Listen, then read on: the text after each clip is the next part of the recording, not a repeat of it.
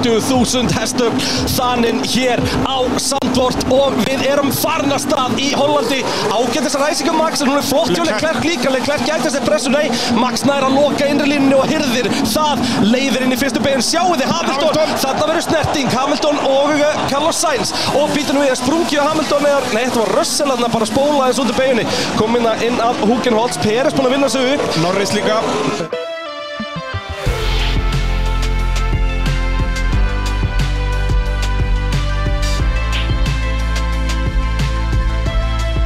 Jú, pitturinn hilsar hér uh, uppfullir af strúpvafuls Herðu við glemdum að kaupa strúpvaff Þetta er synd og skömm Skilja Ég byrja bara, aftur. ég bara glemdi því Já.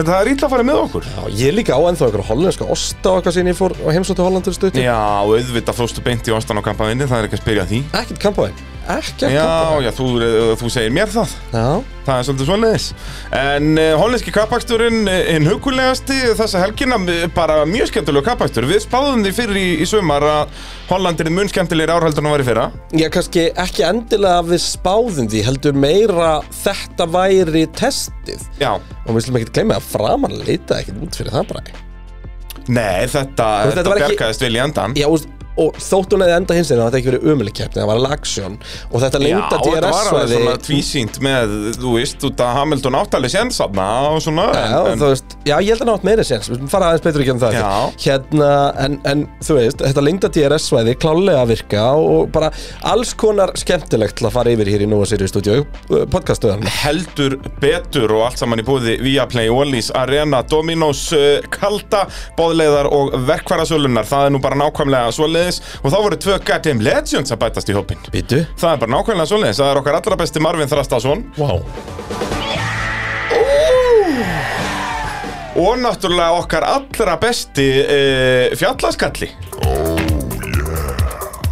sem að gæti verið eitthvað hugulegasta nafn sem ég Það hef er heyrt. þetta ekki, það er frábært Oh, fjallaskallin sko, þannig að auðvitað er fjallaskallin Goddamn Legend og uh, Marvin Þrastas að sjálfsögðu líka þannig að við þökkum þeim uh, kærlega fyrir og uh, við munum trýta þá f- með uh, góðum uppbytuna þætti núna á uh, 50 daginn inn á peturum.is Heldur. fyrir Monsan því að veislan heldur náttúrulega áfram næstu helgi Já, þetta er, uh, þetta er gjöfum sem heldur, bara, áf- heldur áfram að gefa Já, Það er bara og þannig það er bara stóra spurningin hvað gera Ferrari þar sko.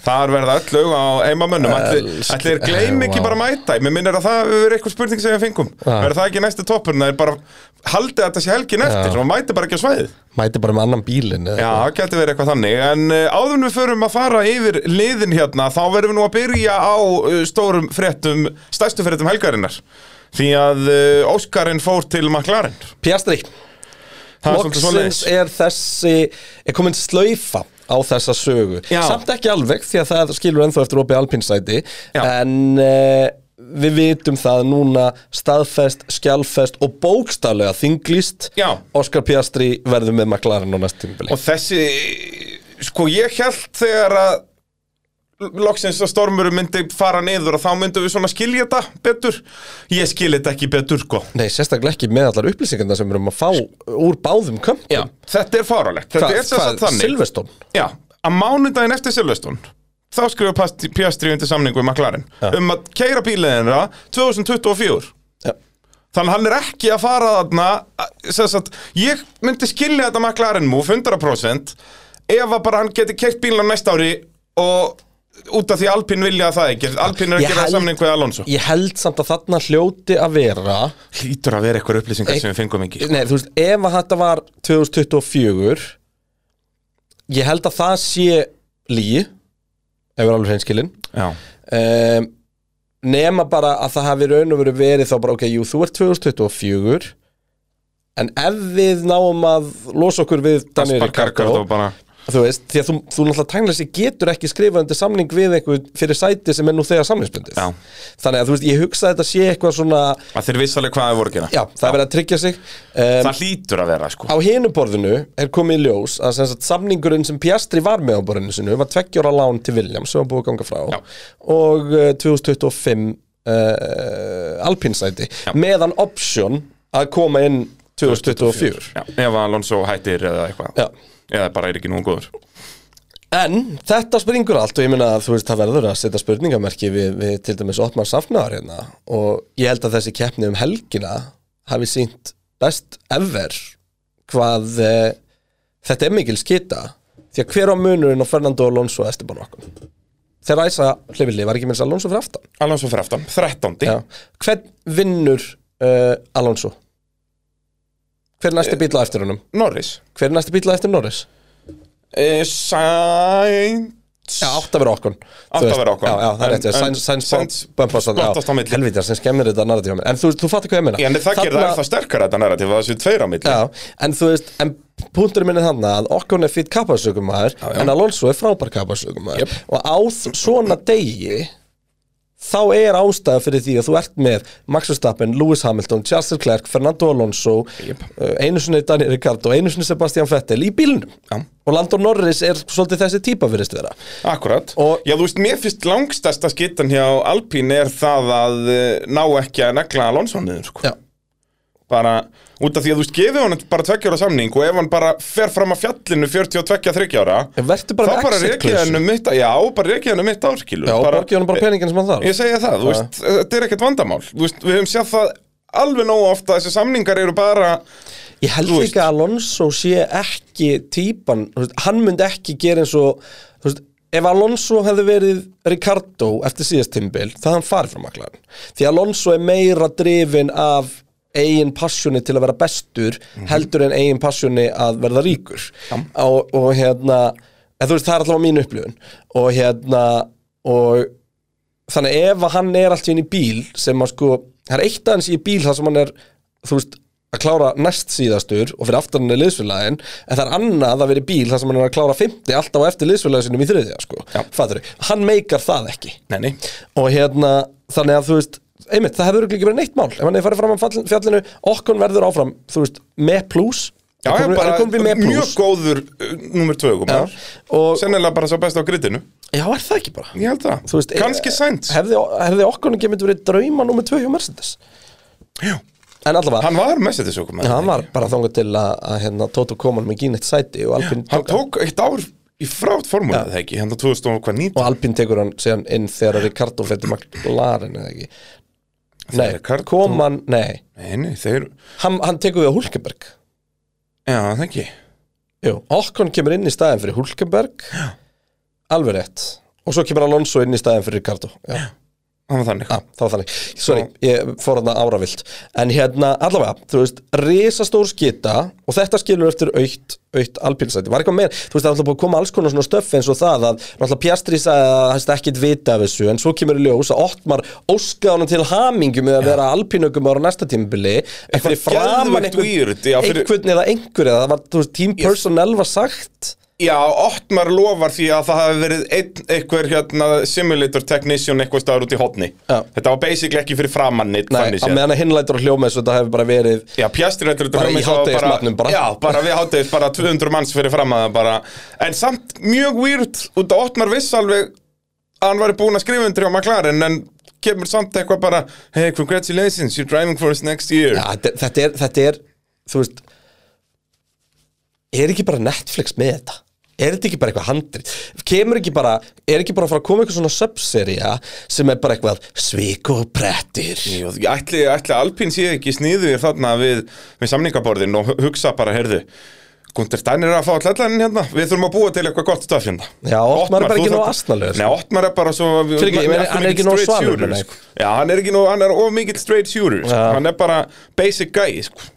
En þetta er, þetta er eitthvað það Þetta er einhver heimskulegasta saga sem ég hef eitt sem mann þurft að tala Já. um í formuleitt En eh, sem sagt, það- Mark Webber og, og Piastri Þeir vildi ekki þetta Williams sæti Þeim fannst það bara Fannst það fyrir neðan Sökka. alla virðingu Já Ah, Því að Pjastri er náttúrulega svo prúfen Já, þú veist, sko m- Málið með Pjastri, ég skil að hann bara vill fara að keira formúlubíl hefur allar aðra uh, fyrsta Já, en það var í búði Já, uh, en það skiptir kannski ekki alveg, þú veist, ég, ég skil alveg það er munur á Williams og, og McLaren eða Alpín, en þú veist, Alpín eru betra lið en McLaren og verða það í framtíðina mínum að út af því að þeir geta hanna bílið sinni í kringum mótóri sinn og allt þetta skilur, það er meira líkur að þeir vinni Mercedes, þú veist, McLaren mun aldrei vinna Mercedes, Já. ekki sem Ef að ég væri að teikna upp eitthvað svona draumasenarijó á endri þú veist, segjum að eðlu formuleitt fyrir er þannig að þú veist, þú kemur aldrei inn í bestu liðin þátt að vinna þú upp í þau Já, og það er alltaf þannig Já, þú veist, það, eru, gerir það eru sárasjaldan, Þú undantekningar veist, Hamilton kemur beint inn í maklaren og svona Akkurat, en þú veist það eru undantekningar og það er bara til að það spilast þannig þá skilur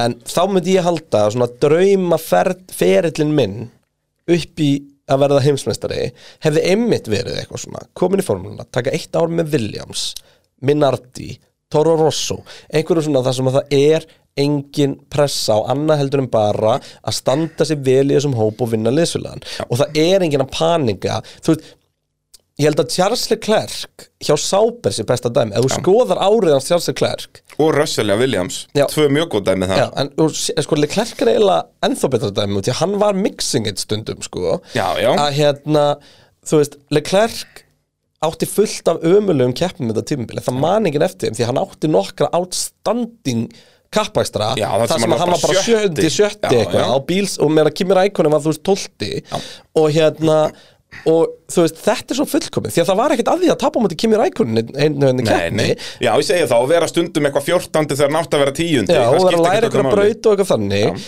og þú veist, liði var ekkert að fara eitthvað bara á Suzuka og búast við að fá þú veist, átta punta, heldur bara vá, frábært, þú skoraði stig, geðveikt hérna er kaka, þú veist Já, og bara sérstaklega þessi lið sem eru bara svona Já. Hvort þau endi í sjötta og sjöunda seti skiptir nú gjöldum sko. þannig að ég, svona fyrir mér væri draumurinn að, að byrja í þú veist, eitt af þremur neðstu liðanum öllum nema hans, því að það er greinlega endastuð og hérna og fara svo emmitt í Alpín, McLaren eitthvað álíka, þar sem ég tek fætin því ég veit það að ef ég blómstra þar, þá er annarkvæmt þetta lið að fara að gera mig heimsmeistar út, því að það er alveg möguleiki ef þú ert hjá Alpín eða, eða McLaren og sérstaklega Alpín sem örgsliði, eða þá að Toto Wolff eða Kristján Horner eða Mattia Benotto ringir með rísa stóra tösku af peningum Já. í li- liðstjóra liðsins og tekur mig Já. og þetta Já, þú veist, málið er þú þarft alltaf að sanna þig Það skiptir Já. ekkert öllu máli hvar þú gerir það, sko Nei, og en málið er bara það, munurinn er sá að í- hann hefur 15, hann- nei, orðum við þú sig hvað var að marga keppnir næstu, 23, 24 ef hann var hjá Williams, þá er hann 24 keppnir til að sanna sig ef hann er ekki komin á par eða allavega næsti maður fyrir aftan Norris í fjórðu keppni, þá verður allir bara bittu, bittu, bittu, bittu, bittu, hvað er í gangi hér Já, bara ef hann stendur sem eins og Ricardo var að standa sem núna skilur og þá bara, heyrðu, þetta En er bara alltaf, búið ef hann stendur sem svo Ricardo er stendur núna átt hann aldrei komin í formuleitt og við þurfum að tala um það því ég held að helgin, um helgina hafi verið lágpuntur Dani Ricardo á ferðlirum Hvað meinar, hann misti ekki senti Hann na- var alveg jafngóður á liðsfélaginn Það er Liðsfélaginn rétt. ræstu sjöundi, endaði sjöundi Ricardo ræstu sjötjóndi, endaði sjötjóndi frábæpunktur Þannig að ég veit ekki hvað þú ert að bulla, sko. Nei, en, en þú veist, en svona öllu ganni sleftu, þetta er þú veist, að Hann koma pakkaði inn Latifi Já, að ég veit ekki, en, en þú veist, McLaren stóðu svo vel að nörtsjura Norrisin, þannig að þú veist hver, við höfum ekkert sé Alpín gera það Nei, hver er, hefur Alpín, hvernig tók Runo síðast nýlega og gera eitthvað úr honum? Það hefur aldrei gerst, Alonso Bara En hann basically fór fyrst í 2003. Minardi. Já, já, en þú veist, þeir gerðu gott úr Alonso Er Það er einhver- störlu samninga sem það er líka, vissur það árið, sem sagt, Alonso skrifar undir samningu í McLaren árið 2005 Eftir, bara hann er að fagna heimsveistara tillum með Runo, fyrsta tillunum árið 2005 Ah. Þá skrifar hann undir samningu í McLaren að keira fyrir þá 2007 Já. Þannig að allt 2006 í svona, þegar hann verður aftur mestari, þá vita allir að hann er að fara Nei, ég vissi það ekki til samkjöfnisæðal, það lítur að vera mjög steikt stemming að vera bara, heyrðu, þau eru að pakka heimsvestarmótinu en já, ég ætla að fara í liði hérna sem er í þriðasendi heimsvestarmótinu en það kýst ekki máli því að það lagið var síðan best árið eftir Já, magnað er en, svolítið allavega, uh, en bara svona svo við bara tökum þetta Ég veit ekki hvort það eru spurningar um þetta eða hvað en bara reynum að klára meir þetta en ekki, sko Ok, miðað við hvað það kom mikið pressa frá bæði Horner og hérna, Helmut Marko á Colton Herta undan þáu Superlicense þá held ég basically að það sé komin samningur á milli Alpín og Alfa Tauri um að losa Gastli yfir til Alpín ef að, og no- notabene, hérna kemur þetta Já, sem ef. að Alpín gerði ekki ef að Colton Herta væri Superlicense og við slum ekki gleyma ennu ef að þetta dregst núna þetta ef að Colton Herta fær superlæsins Já. verður þá þriðja skitan hjá Alpín þar sem Getur að verið. þau fá ekki Gastli Já. þau fá ekki Ricardo þau enda með Mick Schumacher Nei, þau fá alltaf Ricardo Ricardo Herru, er alltaf Ricardo, bakkup. uh, ég fekk sendt vídeo Já, en þú veist, Þetta- er hann ekki bara að tala? Já, útskýru vídeoið? Já, þetta var að tala um þennan spjall við Sainz Já. Hann er semst að spjalla eitthvað við Sainz og það er bara eitthvað fan að taka vídeo og síma og hann er að tala um að taka year off Já. en þú ert ekki með fullt samtal við vitum ekki hvort hann er að segja að það sé einn af optionum Já, ég held að eða það sé hvort hann frekar hafi þannig, sko. íhugað það en þú veist, allavega En hann þú hefur veist, sagt það líka í viðtölum að það er bara option, þú þetta veist, þetta er gott slúður já. þetta er, þetta er ekkit meira en það akkurat núna og örgulega bara fínt því að þú veist það er ekkert annað fyrir aftan sem er spennandi þú veist, hann er ekkert fyrir til Alpín eða hann á bara að fara það er ekkert annað en það hann er ekki að fara til Alfa Tauri hann er ekki að fara til Haas, come on hann er ekki að fara til Ég held Williams að hann geti alveg farið til hans. það væri svakalegt en, en hérna Ég meina, hvað, þú veist, hann var núna með báða hans á undan sér, þetta var að steppa upp fyrir hann. Já, það er góð punktur En hérna, uh, allavega Þannig að þú veist, þetta er, þetta er slúðu millan akkurat Já, núna heldur betur. Gastli til Alpín er með lægsta stöðul í ögnum Já, og uh, Colton Herta Til Alpha Tauri. Amerikaninn sem satt úr IndyCar Já. yfir til, í Alfa Tauri uh, En spurðu pittin sem við erum alltaf með á uh, Facebook eftir hverja keppni það er að sannsögðu bóði Dominos Notum uh, kóðan pitturinn inn á dominos.is ef við pöntum okkur Já, eða í eða í appinu appinu eða eitthvað. Hvað þetta heitir allt saman Já, Og og þá hva- hvað er það færðu? 40 bróð stoff Bingo. Búm, það ég skellti mér inn að gera Dominos Classic Býtu, er það ekki bara eitthvað svona sveppir, paprik og pepp?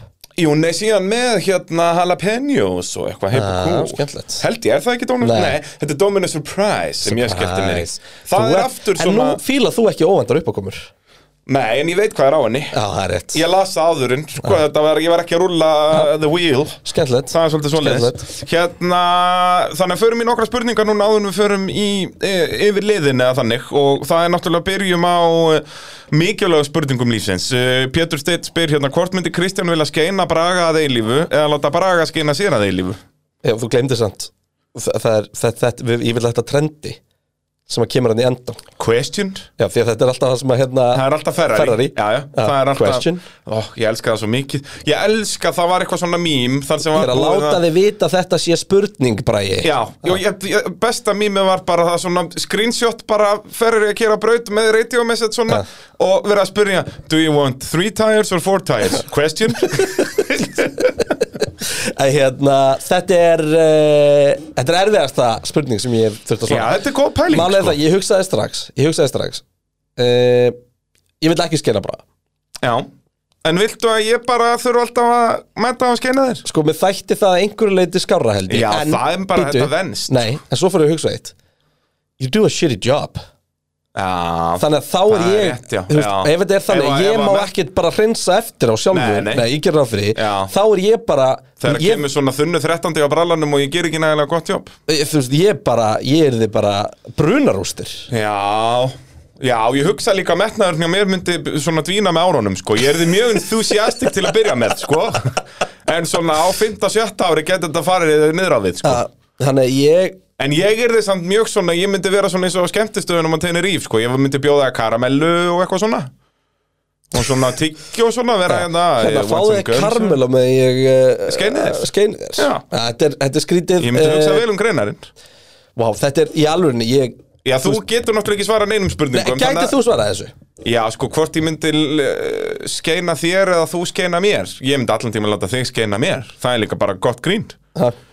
Ég, Það er, ég ég, minna, við erum að fara naktir saman í bað eftir viku, sko ég held að við séum bara að fara að skeina þér ég, ég gæti ekki látið að gera það sko Já, ætla þú að skeina mér Já, ég held að ég, það væri betra Ég treysti þið líka bara fyrir því, sko Út að ég er lélegur skeinari, sko Ég held að þetta er þið step up fyrir brallan, sko Ha, Þannig að uh, ég fíla Já. það uh, Eitthvað spyr sem ég sé ekki því að Kreinar er að röttarast í skjálunni Ragnar eins og Högni. honum eh, einum er lagið uh, Besti hollenski DJ-in eh, Pass Hvað, ég veit ekki En hún uh, sem að söng þjóðsöngin Grjótart Já, hefur YouTube-að þessa konu eða? Herru, hún hendi bara á reddit eftir Hérna, here's me singing the national anthem for, Before the Dutch Grand Prix inn á Formule 1 samfélagið Boom. Það var grjótart Það er, það er ákveðið power move Já. En þetta er sko rocklumsendin sem hún er í Þetta er störtladæmi sko Ha, er þetta geggjum band? Þetta er bara svona skálmöld nema hún er að syngja basically Þetta er störtlað sko. Já, ok en, Þetta er bara heavy rock Mér fannst ekki bara svo fyndið að sko lægið þau veist, þegar hún tók það þetta var bara poplag sko Já, já þetta var, bara, ge- þetta var geggja Já, þetta er bara, En ég hún er, ætla- hún er mikið með þetta Ég mælu Ég- með að googla, hún heiti Janssen eitthvað hann Ég veit að minn maður eh, uh, Bjarni Ben verið fúll út í mig núna að vera Já. ekki með svar en ég bara myndi ekki vita hvaða DJ er hollendingur Ég ætla að fá bara að vera sérfræðingur um kapastur. Það var einhver á grittinu sem var að þetta skíðum hann og hann Já, var eh, einhver ekki, Mart- award var, ekki, winning var ekki Martin Garrix Hvað á ég að Já, vita um það? hann er, segjum hann, frábær, stórkostlegur Plötusnúður er ekki minn teipolli, ég, ég Þú við ekki veit er þetta supermax-lag fucking katsi maður Já, heldur betur Það var líka bara á repeat hann alltaf helgina Já, það er uh, bara nákvæmlega staðan Já. En uh, Geir Eggertsson, hann spyr uh, hvernig virkar dekkjaval fyrir keppni? Fá liðin að vita hvaða dekk anstæðingarnir velja og geta svo breytt sínu vali út frá því eða eru þetta upplýsingar sem eru opinberar þegar bílarnir eru komnir út á gritti þegar það eru of sent að skipta um skoðun Já, þú, f- þú verður að taka því nákvörðun En uh, Þetta er ekki, Ekki- þe- þetta er opinberað alveg um morgun eða kvöldun áður Við erum alltaf konum með þessu upplýsingar á, á sundarsmotni Nei, er hann ekki að tala um sem sagt á hvaða dekkjum þeir byrja? Nei, e, já, nei, það veit það engin Það er bara í felum En það, sem sagt, það, er, það er vitað hvaða dekku fer með inn í keppnina Já, Sem sagt, hvað er í þessi, boði? Þessi ganga sem hún meðkort út með, þú veist, eitt ganga hörðum og tvo að millihörðum og þrjá að mjúkum eða, eða hvað sko Það er opinberað á miðnætti á uh, lögataskvöldi Já, er, það, er það ekki og, En liðin þurfa að vera búin að skila í talsveit fyrir það sko. Já, Þannig að hérna, en nei að, að, Þau komast að því á nákvæmlega sama tíma og við bara í útsendingunni Þú veist, hvaða dekkjum já, og það s- gerist sem samkeppnin. sagt, Ég get sagt ykkur nákvæmlega hvernig það gerist Það gerist á meðan að við erum að fara yfir startingritið Þá fáum við upplýsingar um Þá það poppar Mögulega er ykkur lið búin að reyna að njóstna eitthvað þannig en, en teppin fel þetta alveg Já. Þannig að Þannig að það er, eh, eins og segið, þú getur ekki séð, heyrðu, hann er á mjúkum, við erum þá á mjúkum eins og hann. Já, þú getur ekki tekið last minute og breytt Mm. eitthvað þar Þú getur náttúrulega alveg tekið last minute og breytt sko fyrir þetta En ekki eftir að þú veist hvernig á hvað dekki maður er að byrja Akkurat, akkurat. Svo aftur að mikilvæg spurningunum, sko, Egil Fabian Pasako spyr popunir eða örbylgjupopp. Ég er örbyggju poppari, ég nefnir ekki að standa í hérna sko nei, það er bara vitleysan, sko. Það, mann er ekki, það tekur svo allt og langan tíma. Við erum að skella ykkur í smjöri og drastli í pönnu og vera að dandalast og þetta poppast út um allt og þetta er allt í steik. Já. Tek ekki þátt í þessu. Uh, Jón Brynjar spyr eh, hvað er þetta að gera til að sto stoppa fólk frá því að koma með blís á brautina? Eh, Þetta er bæði hættulegt fyrir ökuminn að sjá ekkert hvert þeir eru að fara og svo fyrir fólk sem er fyrir aftan að borga sig inn á viðburun og sjá ekki neitt af því sem er að gerast eh, fyrir framann sig.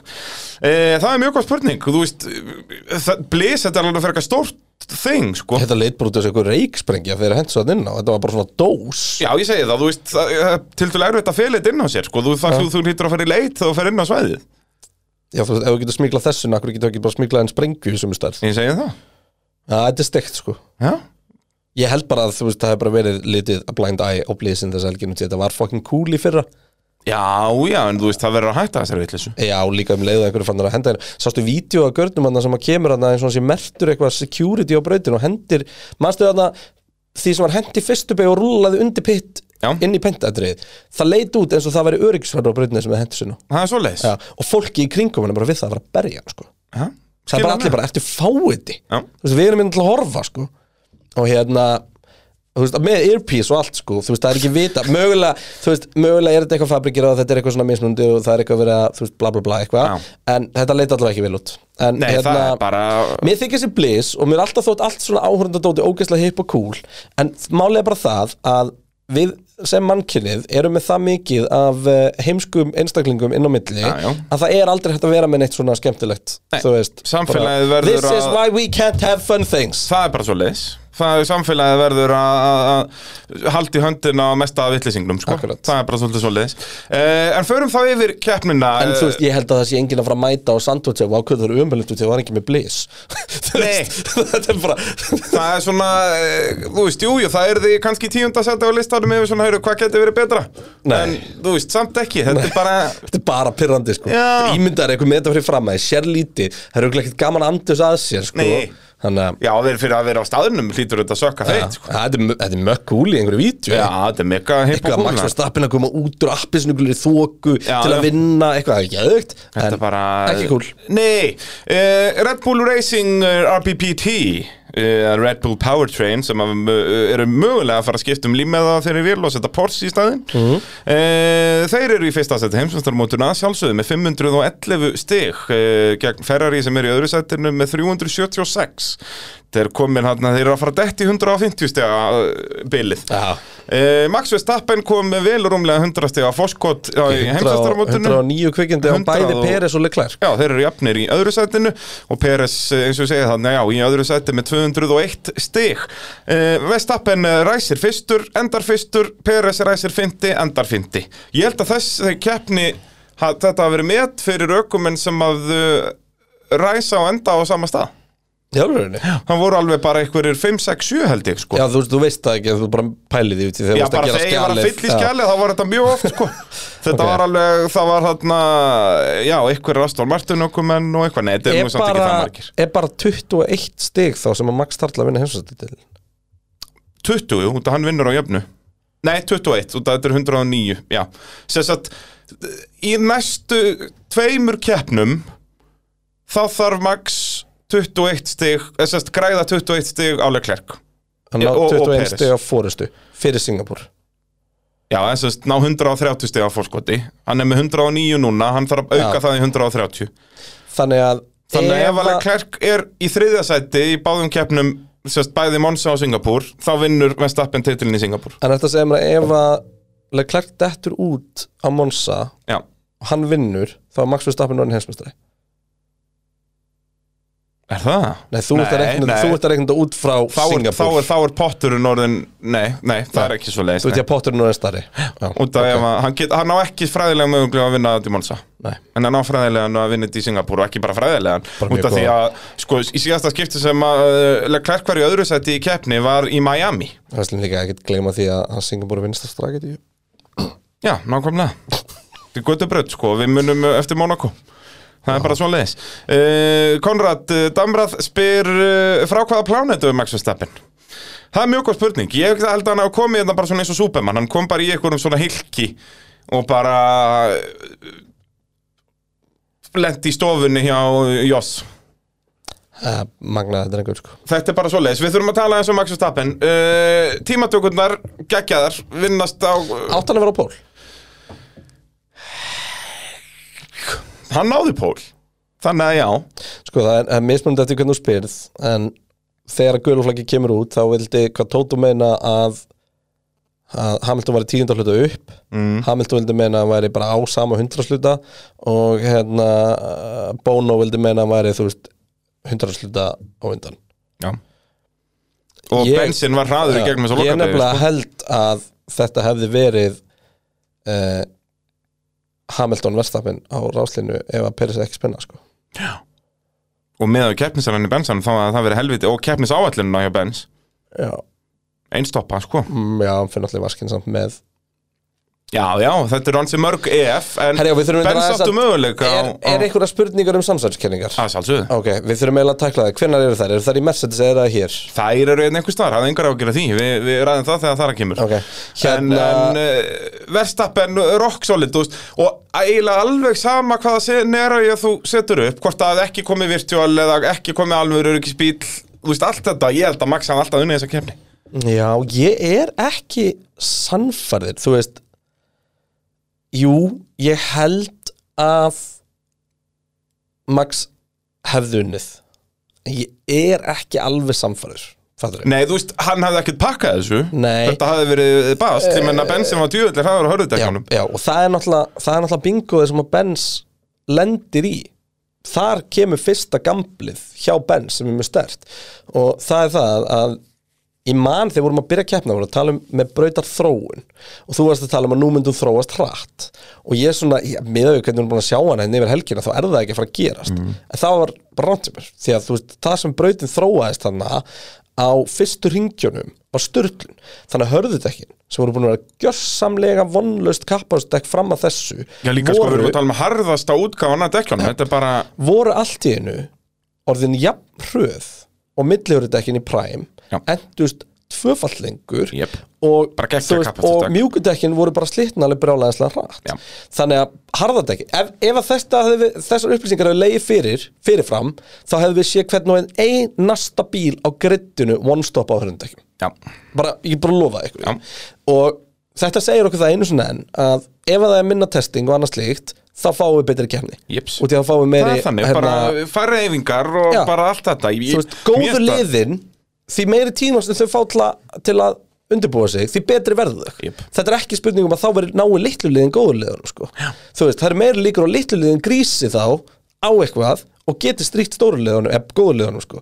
en hérna, þannig að harðardekki varðaltínu bara geðveitt kapastek þannig að, þú veist fram að öryggisbíla fjaskóinu Já, var Mercedes á betri kemnisáallin já algjörlega, þetta einstoppa var algjörsnild En þar kom í ljós sest, eftir hérna eftir uh, fyrsta öryggisbílin og, og þjónustillin og, og, og fram að Sigri Max Verstappen Mhm. mm. hversu ógæðslega gott Red Bull liðið er í kjarnisáallin því að þeir st- bara, bara þau, þau neldu allt eftir þetta hver einasta ákvörun, pitstoppin allur Og pakkin þannig erum við að tala um ákvarðanir on the fly, skilur 10,5 Já. í einhvern Og Red Bull er sennilega besta liðið nákvæmlega í þessu að taka ákvarðanir on the fly Já, já, Þú veist, Mercedes voru sniðuasta liðið með að, að treysta hörðudekkin og allt þetta Já. Hvort það var sniðugt eða hvort þetta var pjúra Við gambúl getum litið út þessu halvutaðar en við hefum aldrei fattað það því að við hefum hugsað mjög ok, það var bara ekki jafn mikið reispeis í Mercedes nú heldum Já. en hérna, en sko uh, þetta, þetta bara þetta var svo ógeðslega vel gert hjá mig ég ætla, að- ég ætla að fá að koma aðeins inn á þessar samsæðiskenningar hérna, Já, sko, snöggvað. Andri Snær spyr bara hérna Nú uh, sýnist mér að vera komnir eitthvað getgáttur um að Red Bull hafi svindlað uh, eitthvað tengt uh, virtual safety car Er eitthvað legit bak við það? Nei, því að þegar að virtual safety carin kemur þá er Max á mjög óþægilegum stað í strateginu sinni upp á að taka dekk Já. því að hann, það er of, lítið, of mikið eftir að kemna til að taka mjúkudekki Ef við byrjum að byrjun, af hverju heldur fólk Ef við útskýrum þess að Já, samsæðiskeið út af því að þetta allt með Júkis og Nóta þarna var svo bjálulegt Þetta var að skriknasta sem ég hef nokkuð tíma séð Já, sko. þetta var fáralegt Já. og hérna, þannig að þetta, þú veist en, Þannig að þarna Númer- heldur númer fólk eitt. að Red Bull, uh, hann er Red Bull ökumar uh, Þeir eru að búa til það er búið að panta þetta Hvað minn almáttu en málið er það að nummer eitt ef að þú ætlaðir að panta eitthvað svona og nota litla liðið þitt í það værir í alveg að gera það með 150 stiga fórskot í heimsmyndstaramótinu og Nákvæmlega. mögulega vera sparka út nei, væri Út af það því að ekki ef þetta myndi komast upp að þú hefðu gert þetta, þá finnast eitthvað radiomessage og eitthvað á milli, þá er Red Bull dæmt út úr mótinu punktur. En þú veist, ef að ef að það hefði verið Yuki Sonoda sem krassaði en ekki Latifi í Abu Dhabi í fyrra Já, þá myndi maður þá alveg myndi fara bara að alveg, spyrja þú veist, þá myndi spurningarna. meira segja ég fara að velta svo fyrir mig Já, já. En þarna, og líka, ef þú ætlar að gera þetta á borð, ok, í fyrsta lagi, þá gerir það ekki svona bjánalega þannig að þú veist, Já. allir eru að horfa á hvað er að sko, gera Þú lætur hann bara stoppa bílinn og Ah. bara helst radio silence. bara, herðu, það er eitthvað að mótunum Já. þú veist, og, Og það svo er helst stoppa á bara eitthvað sem þú slæmum ert bara stað. búin að, búin að já, eða bara löst ekki undir bílnum, skilur Já. þú veist, ok, nummer tvö þú gerir það ekki þegar að það er kvorki rétti tíminn til að fara á millihörð nýja mjúkdekk, Nei. þú veist Þa- því- þe- Ef þetta væri í alvörunni Red Bull að reyna þetta, þú veist, það er Þetta meikir engan sens, bæði það að þeir eru að pakka mótinu þannig að þeir þurfa ekkert að gera þetta Já. e, Í öðru lagi þá myndu þeir ekki gera þetta á þennan hátt og í þriðja lagi ekki á þessum tíma keppninar Nei. þannig að þú veist, þetta, þetta meikar ekkert sens Engan Þú veist, leiðilegt að geta ekki búið ykkur upp á meiri álpapír akkurat núna Já. en þetta meikar ekkert sens eins og segið, pe- pældi litlu veistunni ef að Juki hafði krassað en ekki Latifi í Abu Dhabi wow. fucking hell, sko. ég held að það hefði ekkert orðið annað heimsmestramót með það er bara það hafði allt farið, fyrir þú veist nógu mikið fjasko var bara Michael Massey stöfið allt, sko síðan ef það hefði verið Red Bull vá, ég get ekki hugsað um þetta, sko Já, en hérna, já, eða Latifi sænaður af hérna, Torra Rosso þreim mánuðum sérna En já, já, það hérna, er já, all, styrla allavega, þú veist, þetta, þetta þannig að, uh, uh, en þar sem sagt, þar verða Red Bull að setja Max á millur dekkinni ef maður rétt Já. og það er einfalda bara út í að mjúkudekkin voru ekki að fara til að enda en Max var lélegastur af öllum dekkjunum þá var hann lélegastur á millur dekkinum En, En í það var- því scenarió, ef að það hafði ekki komið síðan, nei, já, tökum það í Mercedes tökum já. öll, öll þau scenarió þar Já. uh, Sveitnarnar spyr uh, 2,09 sekundar stopp hjá Red Bull, eru þeir að fara undir 2 sekundur í ár? Þeir eru komin að helviti nálætti Já, þetta er orðið ansi flott stopp sko Red Bullin bara En byrju, var þetta 2.09 en það var námynda niður í 2.0 já, já, Þeir eru bjart sínir hann í grafíkinni Það En er svolítið hérna, bara störðlast upp og, og, og En já, þá geta þeir alveg leikandi ég veit það ekki þú veist, yttaða einhverjum- þess aðeins það lítur að vera helvítið erfitt að taka þúsundu hluta af þarna núna sko. En það er svo að núna eru stoppin hægar en þau Ég voru ætla- hérna fyrir uh, tveimur árum Ég ætla Út af að giska á reglugerð. að þau fara ekki undir 2-0 í ár Nei. Kannski á næsta ári Kemur í ljós Já, ég velti fyrir mér út af þessari töf þarna sem verður að vera þannig hvort það sé bara fysikli hægt Já, spurning Var þetta bara fullkomið pitstop? Veit það ekki Geti verið, það geti verið En fáum það hraðara breytir því ekki, ef að þau ætla að fara consistently að vera undir, þú veist, 2,2 þá eru það að taka hann líku að halva sekund af öllum liðum í hverju einasta pitstopi, sko Já. Hvað average pitstop í dag eru svona hvað, 2,3 2,5 Ég myndi að segja 2,7, 2,8 Vist það alltaf Ekki verið 2,7 average Ég held að average sé ábygglega svona 2,5, 6 Vist það var ógeðslega mikið að þryggja sekund að stoppum, sko Já, það er rétt svo sem Þannig að ég myndi að segja average sem væri örgulega þar Þótt Já, að, average, þótt að sem sagt- gott stopp í öllum sé einhvers staðar 2, 3, 2, 5 Já, 2,3 myndi ég að kalla gott stopp 2,5 held ég að svona liðin 2, 3 er parið sem að öll liðin vilja bara vera á consistently Já.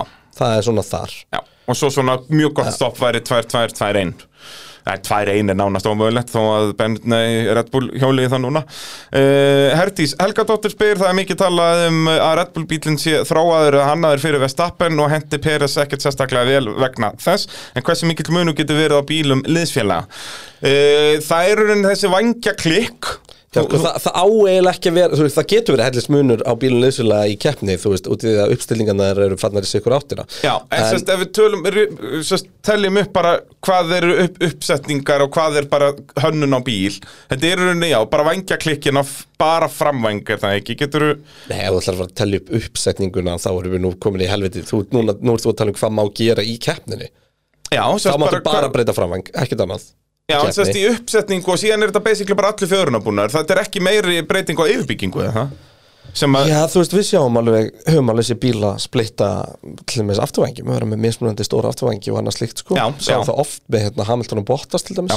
a, a, hérna, en það er basically eins og ég segi, það er bara fram á afturvængir Það er fram á afturvængir, já, já, það er ekki verið að skrúa einhverja nýja part á nema bara að sé ekki til Við höfum alveg, það er alveg dæmi um að aukumenn hafi verið með sér eitthvað gólfið og eitthvað svona dót Þannig að sem sagt- Þótt, þú veist, þótt að hafi ekki verið eitthvað, út að tjóna eitthvað álíka heldur þá er oftast út í annar er að prófa að fara aftur í eitthvað Já, já, eldra já. eða eitthvað álíka, sko Já, ég er ekki að tala um þannig, ég er að tala um bara Nei. hvað, hversu mikið getur ökum að breytt bílnum sínum með við á liðsfélagandum En það sem að ég held að, að það er verið að tala um þarna og það sem að Herdís er að vitna í er raunur, þú veist, byrju, en þetta eru bara bílar og þetta eru bara görur að keira uh, þarna er raunur það sem er að vera að vitna í og tala um er þessi, þessi munur á akstustíl og svona fílunu sem aukumenn vill fá fór bílnum Jep.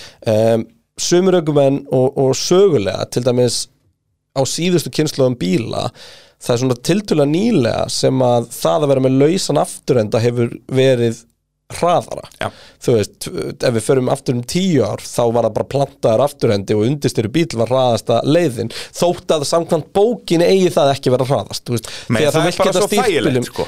Já, og, og bílandi voru bara þannig að það varstu gastu verið með svo íkt gripa aftan, Já. skilur við að þetta snerist um að mann svo undirstýri og þar, þú veist, sáðu til þessu ökumenn eins og Sebastian Vettel gjössamlega að blómstra um, Núna uh, undir lok síðustu kynsluðar og þessi kynslu þá hefur þetta verið að þróast einmitt yfir í það að bílarnir sem eru aðeins lausir að aftan hafa verið hröðustu kamparsbílarnar og þar komu ökumenn eins og Max Verstappen og Charles Leclerc mjög augljóslega í gegn því að það er þeir geta keirt bíla sem eru þú veist, nær limminu sem eru lausir aftan þetta en einhver annar og Red Bull bílinn verðist núna vera að þróast meiri í þá átt og það held ég að spili kannski ekki endilega inn í það að í raun og veru bílinn sé að þróast eitthvað meira í, í áttina sko að því að vera uh, rear limited sem sagt að afturhendin sé, sé það sem að fer ef þú, ef þú ferði við mörkin heldur meira líka bara það að sko Red Bull eru markvist að reyna að keira alla brauti með minna niðurtók heldur en hinlegin og Peres er bara ekki jafn góður ökumæður til þess að geta verið með bílinn svona lifandi undir sér Já. Þú veist, Peres það vill er bara planta þeim bíl undir Já, sér. þú veist, það er bara unique trait sem að Max Verstappen hefur og er eitt af því sem að gera hann að þessari gemveru sem við erum að lýsa Tjassi Klerk getur þetta en hann er mistakar ennþá mm um, hann er sko ég veit ekki og, og þetta, er- þetta, þetta kannski kemur svipað eins og inn á með, með hérna, Daniel Ricardo hlutan að þú veist, ef ekki orðað sér svo munurinn á Sergio Pérez og Max Verstappen til dæmis er sá að Max getur kert bílunars Pérez jafnpratt og Pérez en Pérez getur ekki kert bílunars Max jafnpratt og Max Já. þú veist, og þar, þar erum við, það er svona svipa við erum að sjá með Daniel Ricardo um, ef við myndum henda Daniel Ricardo aftur núna bara í Red Bullum sem hún leið besta þá hugsaði hann geti kert hann jafnrætt og þú veist, hver sem er nánast Já. en svo hendur hann með bíl sem hann fílar ekki þá er hann bara fucking useless þú veist, bara sorry, ég, Já, ég já. bara, þetta var lélegasta helgi Já, guð sögum, minn þetta er almáttugur. bara, þetta er skandal sko, Líka uh, klassíska fimmstoppastrategíran sem að þeir skellt honum á þú veist. en allavega, þannig að hérna uh, það er Það er þessi fundamental munur á í, þessum í ökumönnum grunninn er engin munur á bílleysfila á ekki að vera neitt munur á bílleysfila og þetta er auðvitað sko í grunninn svo er mismunandi á hvaða stað vélinn er í líftíma upp á afl og bla bla bla það er endalst þannlega en svo er þetta í raun og veru bara í hvaða átt ökumæri vill fara með uppsetningu bílsins og það stýri þessu ég vona þetta svarið spurningu, þetta, er- þetta er svolítið djúft en, en, En þannig í, í, við fýlum djúbanu kreinar í, í grunninn er engin munur Já, já Nema, og þú veist, í rauninni helstu marginal munur. breytingar eru fjörunalega séð Þú getur fó- fíblast í því Já. alveg og hægri þegar, vinstri. þegar bræði tala um fjörunalega sé þá erum við ekki að tala um þetta eins og bara eitthvað demparinn í bílnuðin um að gera hann aðeins stífari eða aðeins mýkri eða Nei, eitthvað þetta er að annað. breyta Þetta er- halla á Já, dekkjum halla á dekkjum, þetta og er camber, stífleika, tó- eh, balansstanga og, og, og, svo hugsa ég líka að stöffið svo throttlmapp getur verið smá munur Já. uh, bara þú veist, ég get að lofa því að það er ekki eins að keira bílinn hjá Max og Peres með það hvar og hvernig, Bara hvernig mótorinn- grafið lítur út, sko. þú veist, og, og þótt að þú veist ég myndi hoppa upp í báða bílunum núna myndi ég örugglega ekkert finna mikið mun en þegar þú ert, þú veist, on it og búin að vera að kera og kera og kera þá finnur þú svakalega mun, sko Já. og hérna, þannig að þetta er svona, það er, það er alls konar svona hlutir í þessu og En alltaf basic prinsip bíl bílsins verður alltaf það sama Ef að bílinn er hannaður sem rear limited bíl þá breytir þú það ekki með einhverju uh, tó og kamper Nei, og ef þú ætlar að fara að breyta því eitthvað ógslag mikið Þá verður bíllinn bara þá verður ógeðslega bíllinn bara hægur. ógslag hægur sko. Já. Þannig að Eh, Kaldi, okkar allra besta fólk Nú þurfum við, eh, hvernig getum við að fara að auglýsa þetta að ykkur viti eða? Við erum að fara að skella okkur í áskoða samt heldur betur Þetta er, betur, ég ætla að opna hérna ég ætla að opna þetta eh, Hvar er okkar allra besti? Já, herru, hann var að senda hérna nýjum maður Sko, þetta er, við þurfum að fá skráningu Við þurfum að fá skráningu Erum við búin að auglýsa þetta eitthvað á Facebook eða Nei, eitthvað? Erum við að fara að auglýsa það er, núna bara? það, er, það er það sem við ætlum að gera bara núna Já. og uh, hérna kemur þá bara formulega auglýsing, ef eitthvað svona takka eða eitthvað Ég veit það ekki, ég bara, ég elska hann hérna mest Og þó kannski neð þessi er meira viðeigandi En spáðu samt í því að þú væri bara eitthvað að hlusta á rúf og það væri bara að vera að fara að lesa hérna, þú veist, samlisnar auðlýsingar Já, og henda og það aftur í... kemur bara þetta hér Leave me alone, I know. Nei, ég var reynda meira að spáðu, ó, Já, þetta er mjög gott, ok, byrjaðu lesturinn Pitturinn og uh, brauksmiðjan Kaldi, Bjórböð og Hótel Kinna, Búm! eitthvað svona Já, já, þetta er hugulegt Eða, býtu, býtu Pitturinn Kaldi Árskóasandur The event of the decade Við erum ekki góðir í þessu, sko Hentu þessu uh, út af þér Já. Hvað, það er pitturinn live fyrir norðan Pepp, pepp, pepp Nei Búm, shakalaka Hérna, það er Peturinn live uh, hjá Kalda Árskúðarsandi 17. september Við erum að tala um helgina beint eftir Mónsætti þar næsta Já, helgi þetta er bara tvær ykkur í þetta Heldur betur Og uh, þetta er eitthvað sem á byggðum lengi Þannig að það er eins gott að fólk mæti Já, það er líka uh, Fólk fyrir norðan er, er vittlust í formu Já, og það er 20 í þessu, það er 20 í þessu, þetta verður allt tilkynnt um, Við erum að setja saman út því að það er hótel á staðnum já sem er við bara ætlum núna að heldur tiltölulega betur að nýopnað, kynast okkur maður. já, og bara einna Við stöðustælum þurfum að- pitsins Já. það verður einhver pakki í bóði fyrir fólk sem vill bara gera sér helgi fara í bjórböð, fara norður gera þetta og koma á pittin og gista á, á staðnum og, og, og, og södra í, í brugsmiðin og svona þannig að hérna, ég get ekki beðið sko, Ég get ekki beðið að liggja í bjór með bjórdælu hliðin á mér og með mig í baðinu Í- sem já. ég er samlingspundin vist eins og Já, ég já, mittur á daglega bara, núna. það er bara svo leiðis en, en allavega, Ég verð með eitt CD í baðinu og ég elska það ég... hvað? CD Celebrity Dick Oh my god, hvað er að þér bræði fyrir Það er bara svo leiðis Oh my god Það við erum að fara, það er líka Fólk Mér talar um það aldrei liði verð heldur þú sagði þér þetta Því að Það þetta á kallaði ekkert CLT. við þú veist, Jú, ég er enda með félaga á mér sko Já, En og svo ert sannlega goddamn ekkert sér celebrity. Hvað er þetta að tala um marga followers á Insta á, á Celebrity? Bara svona eins og meðal mentaskólaneimandi er með Já, nema eða kannski mentaskóla kvenkinsnefandi eða með Já, strákum gengur þetta verra sann Það er svolítið svoleiðis, sko. Allavega, við ætlum að dreifast um það, við ætlum að halda áfram Ég hef Bullandi aldrei CLT. verið óþægilegri Hérna Þannig að Patreon Live, þannig kvöldið, við erum á formúlar, við, ég og Bræði erum aðeins að, að byrja að vinna í, í einhverju dagskrá en, Og en hver, hvaða kvöldi verður við? Lögadag? eða? Laugardaginn, 17.. Ok. En munum við ekki valsa þannig upp yfir á föðs? bara beint þetta vinnu, fös Við förum ekki að keira á laugi, ha? Nei, ég meina, við verðum að taka út uh, nýjasta, nýjasta batsið af, af kalda og svona sjá til þess að allt sé titt Svo þurfum við að mynd, taka náttúrulega upp uh, pitturinn í mynd Sko, heldur betur, heldur betur, allavega Þegar við Þannig að verðum á við- penisnum. Við viljum Já, hérna, Þannig að við viljum Það sem, að, það sem að okkur langar að gera er, raunur, er að við viljum taka þetta klassið sem við höfum verið að taka þú veist, vera með smá pubquiz, vera Já, já. með Q&A, vera með smá þátt þú veist, alls konar svona og, hérna, og bara svona kynnast aðeins, aðeins fólkinu, uh, sérst, pitt krúinu á, á Norrlandi Já. en endilega að fólk sem að langa bara í helgaferð eða bara eitthvað, þú veist, þetta er fullkomið tækifæri og hérna, það verða rúta frá Akureyri, nánar kynnt um það síðar um, þannig að þetta verður bara ekkert mál en við þurfum aðeins að fá tilfinningu fyrir fjölda fólk sem mætir Já. þannig að það Upp á kemur með svona líka rútuferðir og eitthvað svona Já, dót. með, með rútuferðir, með hérna, með, og það þyrfti að vera eitthvað svona skráning eða, við þurfum að setja upp, Já. það kemur ívent bara, hugsa ég, bara í kvöld Og það er sérst rútuferði frá Akureyri á Arskóksand já, já. og svo náttúrulega ef einhverju vilja chip inn og segja, herrðu, ég er að koma hérna frá þú veist, skella. Ólasfyrði eða Siglufyrði eða, eða Já. þú veist, e króknum eða eitthvað og bara, herrðu, við erum til í að hendi hópferð hérna þú veist, e þá bara láta lát okkur vita og við komum þeim um skila på máleis, 100% þannig að þetta, þetta verður bara veistla, Þa, það er þannig og hérna ég get ekki beðið Mér- Hótel að vera smekkvöld af formúlufólki það væri svo bara þannig. geðvikt Það að væri fa- mæta bara í morgum átt morgun eftir Og allir eru að um taka það þátt er með bara eitthvað þessi egg er eins og okkon Já, Ha, þetta, hvað mennur? Þau eru bara með meh.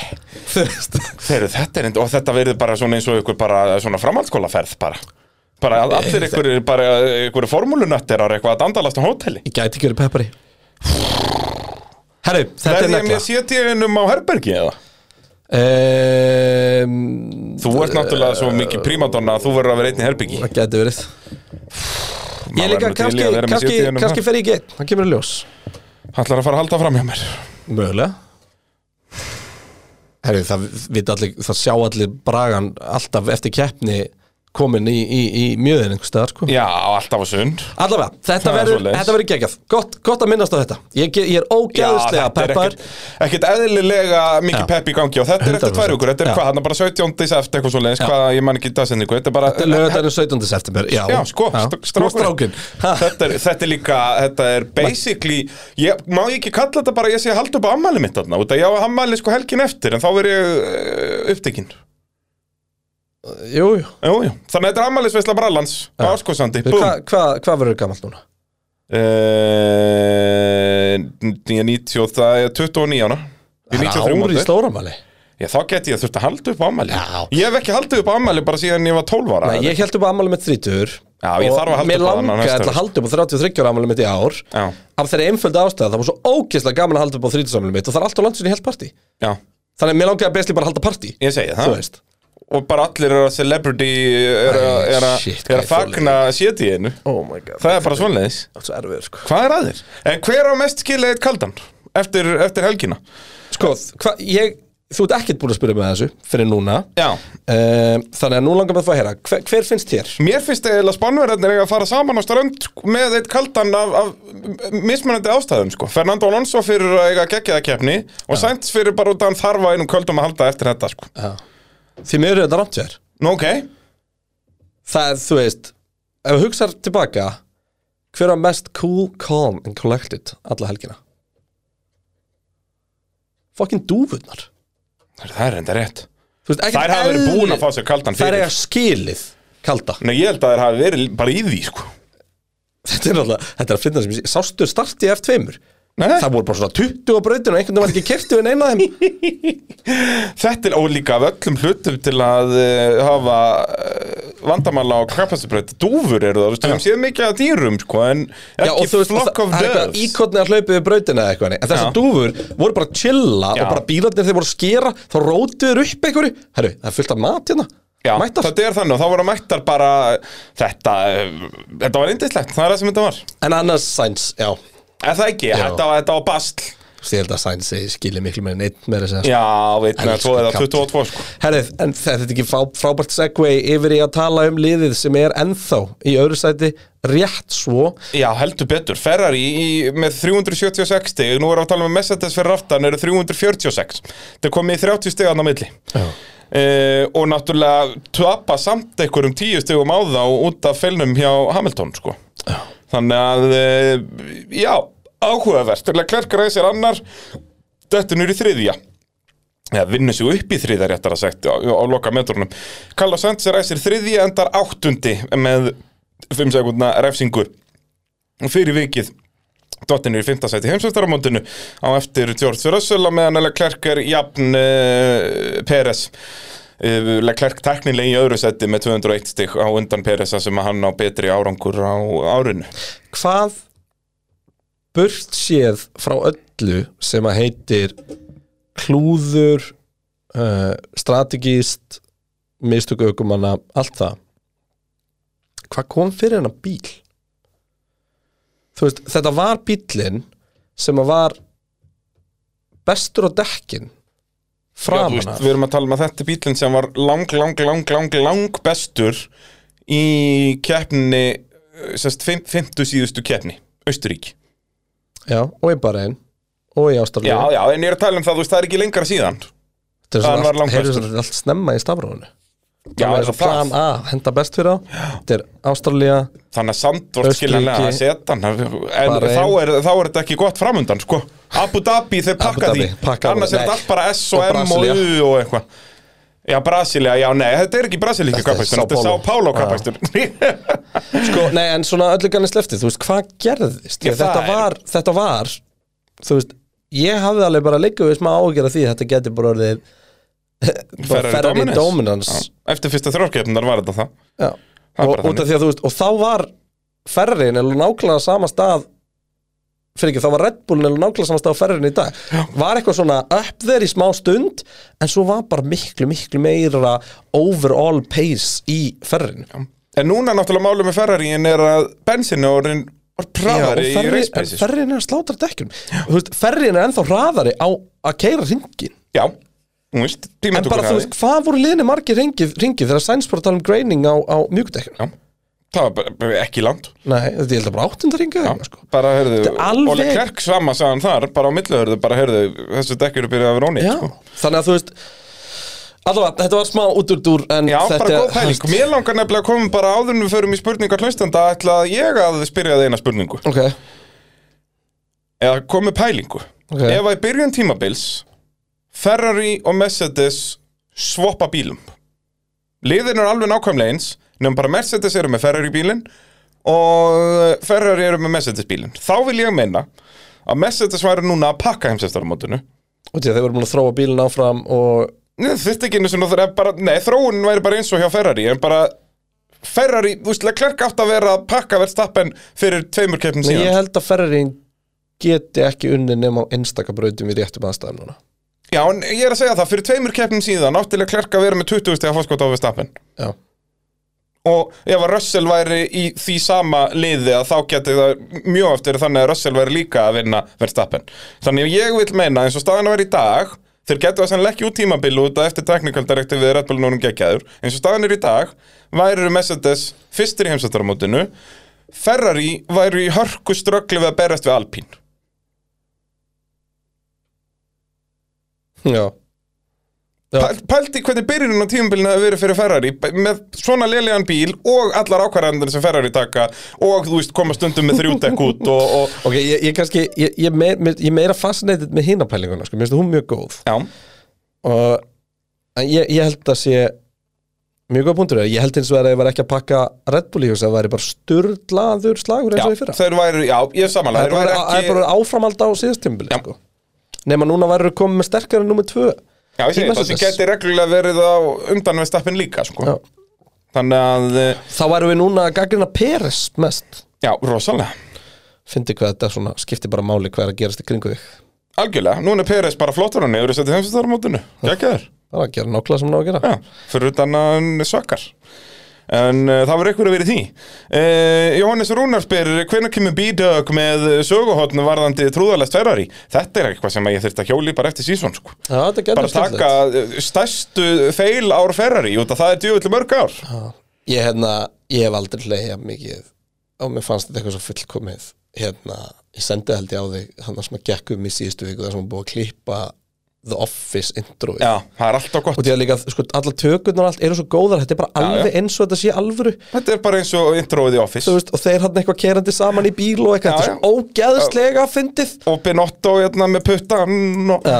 dýlí, dýlí, dýlí, dýlí, dýlí og ég er að pælja að fara til Scranton eh, í oktober Já, það er bara svolítið mikið lútundúr sko er það? Já, Þetta er sérst til í alvörunni, fíla já þetta En er hérna... hérna, bara norðarlega í Pennsylvania en Ferrari maður minn þessi þú veist, þetta er allt svo public þetta er allt svo lélegt, þetta er allt svo og halda áfram sko, alltaf eitthvað nýtt þeir finna nýjar leiðir, eins og ég segi bara næsta daskra væri að gleyma þessi keppni bara mæta ekki á svæðið Já, eða svona, það ringir eitthvað í þunnan Benotto og laugadegi bara hvað, ert þú ekkert að fara að láta sjá þig eða? já, þú veist Já, við fyrir mér þetta, höldum Já, við, eh, þetta er, þetta er indislegt Runolfur Óli spyr eru Ferrari búin að klúra öllu núna og ef ekki, hvað er það eftir? Einmitt. Það, er- hvað, hvað gera þær á Monsa? Spring ekki bara báðar vélarnar þar? Í báðum bílum, þú veist, það er bara nullstig Nei, það er alveg going out graciously, sko Já, en þú veist, Það er ekki þannig sem ferðar rúlar, sko þeirra var líka alveg verið að vinna með það Já, en þú veist Ok, ég veit þá ekki. erum við að tala um uh, Þú veist Leclerc krassar og þeir gera eitthvað stórfenglegt með sænt Hva, Hvað gerist á Monsa? Hva, hvaða fyll Veistu hvaða það, fyll, ég- hvaða fyll munum við sjá? Þú veist, ég er bara ekki með nóg mikið hugmyndaflug í þetta Nei, ég segi það, Binotto hefur hugmyndaflýð Það er engar ágjörn af því Þetta er, hérna Hann græjar eitthvað fyrir okkur ég er- strákana sko. Ég er komin á þann stað að- að, hérna Það, Þetta sé hægt að vera fyndið Í nefn bara, að, já, mér finnst þetta hægt að vera fyndið Já, en þetta, á- ég er nei, ennþá þú bara svo veist- glaðið með þetta en á sama tíma þá finnst mér núna bara herru, ok, þetta sem ég er búin að vera að segja allt tímabilið, þetta er bara kjátaði, þarna verður bara að skipta út fullt af fólki. Já, það er nefnilega málið. Hérna, eh, sem sagt, koma spurningar. Ísak Sigfússon spyr, þurfu ekki einhver hausar að fara að fjúka í að ferrari í bæði í liðun og sömulegins í véladildinni. Eh, Þetta tímbil hefum búið að, að hlýtur að fara í sögubækurnar og svo fannar snær, ég veit að það talaði um að þessi engin lausning að reyka einhvern úr liðinu eh, en common er þetta ekki að verða tímabært. Eh, Þetta er komið út fyrir allt. Jú. þarna finnst mér eins og það vanti ég held að besta lausnin sem að væri einhvern veginn gerð væri að það var einhvern veginn hægt að halda Mattia Benotto yfir tæknimálum Já. Ferrari Þetta hann er geggjaður í því jobbi. sko. Bílinn mætti hraðasti bílinn til keppni Við slum ekki vann með það Jep. Bíl sem er búin að vera að sökka síðustu ár og hann er tók við liði í hunglum Já. En það er eitthvað svo brotið í öllu svona people management þarna Mhm. og þetta er bara ekki þetta þetta er bara ekki í lagi og þú veist ok, það er vantarlega spurning um, um hvað gerðist hjá, hjá Sainz þarna og við tölum bara þessum það Já, já. þú veist veistu hvernig þú, þú veist hvernig þegar þú- þú hérna það kemur eitthvað fyrir bara stutt eftir þú vaknar og setur bara tónum fyrir daginn Mm. Já. og það bara fer allt fucking úr skeiðist þann daginn when, Þetta svona when it byrjar- rains já, it pours Þú svona uh, skallar uh, uh, hérna vekk þegar þú vaknar á leiðin út úr herbygginu þá fer svona beltið í hurðarhúnin og grýpur þig og þú Svo veist, er búið þú að hurða sultar bílinn mjólk- þegar þú kemur Já, út og þú þú veist- sultar mjölk í morgumatnum og þú bara veist þeir, þetta verður ekki mynd Já, á þetta er bara, þú veist, þarna væri bara eina rökrétta ákvörðun að fara bara aftur upp í rúm Já. og sofa bara til morguns bara það þarf að rístarta þessu drastli Ferrari virðist bara vera þarna og þú veist, ef við tökum bara Sandvort sem dæmi um, það er lógísk útskýring á eiginlega öllum fokkunum þeirra þessa helgina Já, já, og, það er alveg yfirleitt þannig að það, það, má, það er eh, hægt að rýna í þessa vitleysihjáðum og Já. segja, ok, þetta fór úrskeið en náttúrulega þú veist, að þetta var bara sæns þessa helgina Já. og við erum að tala um, þú veist, hvað er þetta fjögur fokk þetta er þrjú Já, hvað, þetta, þetta er pitstopið, Já. þetta er releaseið þetta er gulaflaggið þú veist, eh, Já. er ég ekki að gleyma ykkur einu viðbútt okkur finnst mér svo að vera eitthvað eitt í viðbútt Nei, er það ekki bara þetta þrennt? ok, allavega, hérna og ef við tökum þetta bara um, þú veist byrjum á, byrjum á vandadekk um, Kalli kemur ógisla seint Já. og það virðist bara vera sem að, þú veist einn hafi stokkið að pissa eða eitthvað Já, eða þá að bara sest, uh, sænt sig ekki við kallið seint og það sé þá bara gefið þeim í pitkrúinu en það, það, minni það, er tími, þannig, skilur, já. það er þannig ákvörðin er tekin þegar hann er að koma í gegnum næst síðustu beina Já. sem er samt þá að vera nægur tími Eh, en þá kannski var bara uh, reyti og kallið inn í skúrin ennþá setna Já, mögulega var, eða þá mögulega var eitt headset batterislaust eða eitthvað, Já. þannig einhver einn heyrði ekki en þú veist, maður hefði haldið að þetta væri hópur sem að hreyfi sér allir saman og gerir Já, bara þú veist, ef að þú sérðum vinstra afturdekkið og, Og allir allir hinir hinir að eru hlaupa komnir dekk af stað og bara eitthvað, heyrðu, það er hörðu, ekki ég er búin að- ekki búin að heyra neitt sko. það er, það er enginn búin að byggja mig um að vinna hérna, en þú veist, Það er líka mjög ítalst en, en punkturinn þarna er bara að þú veist og, og sko, og ofan á það var þetta ekki meira að segja nei, þetta var ekki safety car stopp þetta var bara fyrsta Já, stoppið fyrsta stoppið en málega bara það að þú veist þú ert líka komin inn í bara pitt vindóið hana Já. þannig með haldið Hann var bara að einn af þetta- þeim þú fyrstu þarna ert- þú inn. ert bara þarna í þangalla bíllinn kemur inn frá því að þetta byrjar þá ertu bara eins og spretlið bara tilbúin í, í hérna Þú veist að þetta kemur á hverju stundu dæmur. sko. já, þú ert bara á ráslínu með þanda vél sko. Þau verður náttúrulega áttið á því líka sko. Já, Ítalíu er bannað að vinna á sunnudugum sko.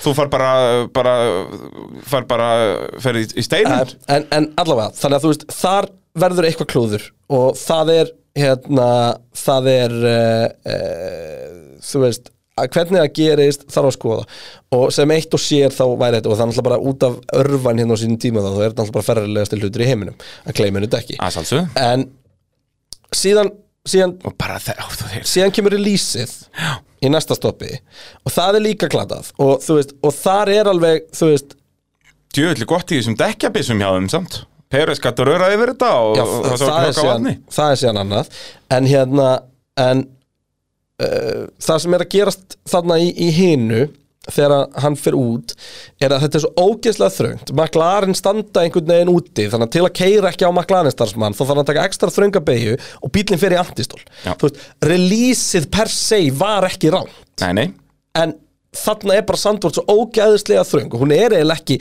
þú veist, ég var að heyra það, í Formule 2 og 3 er bannað að taka pitstop undir öryggisbíl til að koma ekki allir inn á sama tíma Já, á það Sandvort, já geta náttúrulega ekki sett svona sérreglu í Formule 1 því að þá myndi ég bara ekki fara þangað Já, já. en þetta er En sem það sagt þarf að lengja hann pitt, sko að 100% og bara það er alveg, þú veist, það er alveg einhvern veginn plást við þess að Já, þú getur sem sagt, ekki Lengdan- lengt hann já. að fyrstu Nei, beigja en heldur að hina síð- áttina. síðustu, já, Jú, 100%. teknilega sér gætur þú meira þess að gert það hina áttina líka Því að það er Já. alveg, því að þú ert ekki að koma út En af ég held að brautina sé þægilega bara að gera það í náttúruna Út af- allavega, hérna, þú veist það er klúður og það er brot en það sem ég skil ekki ennþá er síðan gulaflækið Sko, málið er að hann tekur fram úr fyrir postin Er það ekki? Þess vegna, fa- sérst, Einar Sveit spyr hérna Hvaða bull er það að Sainz fá ekki refsingu fyrir að taka fram úr úr gulu Sérst, við sjáum guluflöknin gett augláslega Út af því að hann er að koma að postinum já, en er Þetta er þetta, ekki í undir gulum alvörunni flöggum. fyrsti gulaflækspósturinn ef Það hlýtur að vera, annars þú veist- hefði hann fengið refsingu það hefði voru tötts þarna, þá hefði bombað á bota sko. Já. þú veist, ég hefði haldið að flaggpósturinn sem ætti að peka þetta upp var í byrjum beinakafla sko. Já, en þú veist, út af þetta var bara nýbúið að gerast Þá held ég að það sé þannig að þetta er bara og svo náttúrulega technicality skulum við bara ekki gleyma því hvað brautar starfsmenn á Sandvort voru ógeðaslega lengi að græja allt um helgina eins og til dæmis öryggispílið með Sonota og það kom ekki svona gult flaggi heil, það, það tók heilan ring áður en að koma út öryggispílið með botta sem voru augljóslega með sprungna vél nei, Já. Já, hann var ekkert að fara að setja í gang aftur nei, sko. nei, nei, nei, það fór ekkert á milli mála Já.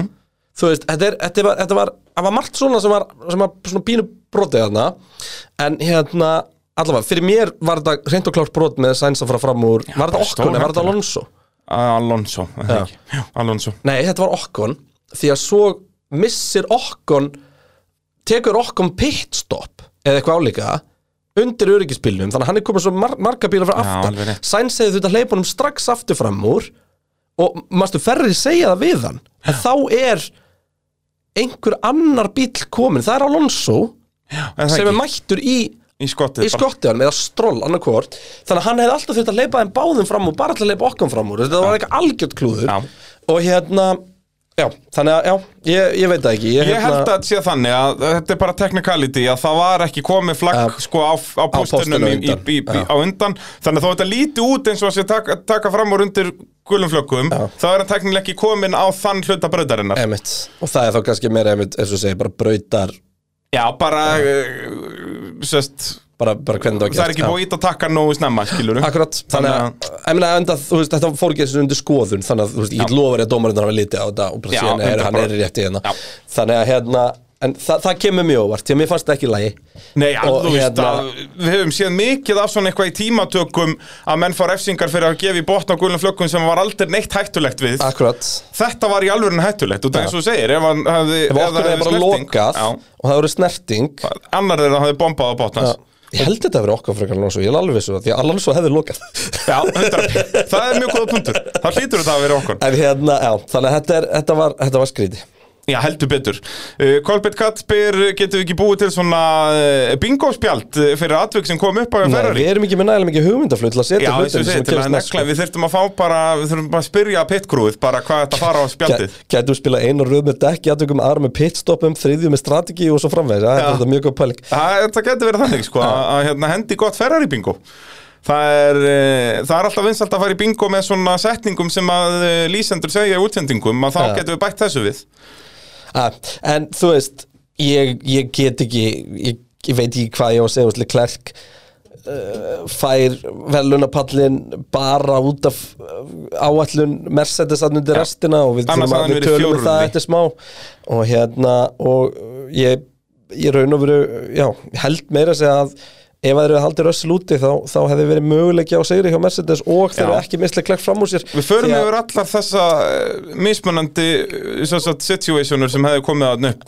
núna þegar við förum eh, að tala um Mercedes En fyrst ok. þurfum við náttúrulega að pæli sko, hver var bestu ökumæður í topp 3 í bóði báðilegar ekki í topp þreymur ekki í topp 3 sig og það er að sjálfsögðu okkar allra besta fólki bóðileg sem að býður upp á uh, þár pælingar og ef að þú vilt fara í trösta bókalþjónustu að þá skaltu skella þér uh, upp í bóðlið það er okkar fólk þar Ögumar ekki í topp ég verð að henda Alonso sko.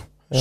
hvað, hann vendaði sjönd, Sjötti. sjötti ræsti þrettandi Nei, byrju, enda hann ekki hann er sjötti og það send sér ekki að hann Hann enda fimm nei, Peres er fyndi Peris er fyndi Já, sjötti, það er rétt Já, Sainz er hann fyrir aftan, einmitt Já.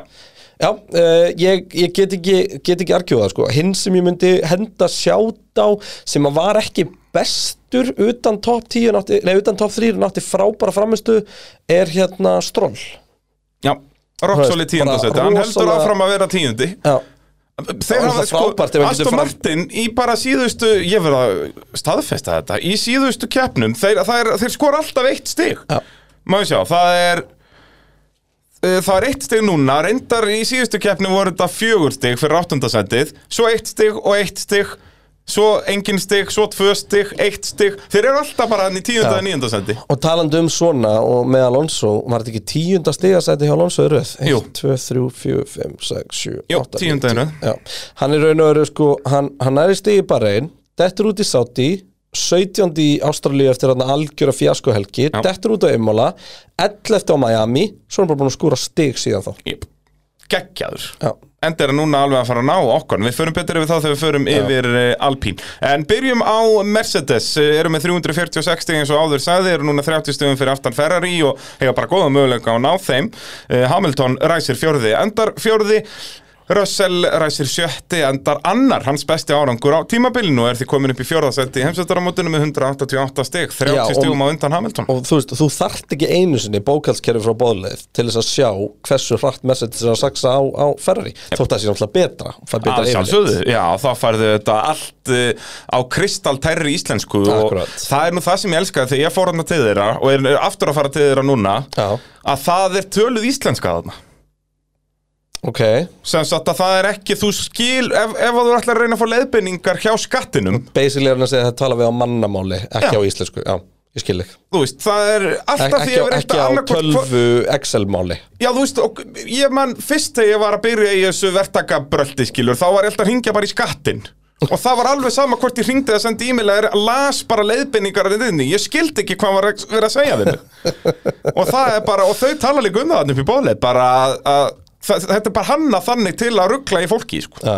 Þetta er bara vitleisa. Uh, en Arnar Sig spyr, uh, annars ættið Mercedes eða Ferrari? Mercedes, Ég sagði Ferrari hérna, mitt, var það ekki í miðsum að það sagði ég ekki Mercedes þá líka Jú, Já. þannig að, og ég ætla að halda ennþá í Ferrari, sko En, uh, ég held að Mercedes verið komin yfir eftir Singapur já Og eins og segið, það er, núna er ég bara 50-50, ég ætla bara að haldi ferrari út að ég er þrjóskur motherfucker. Já.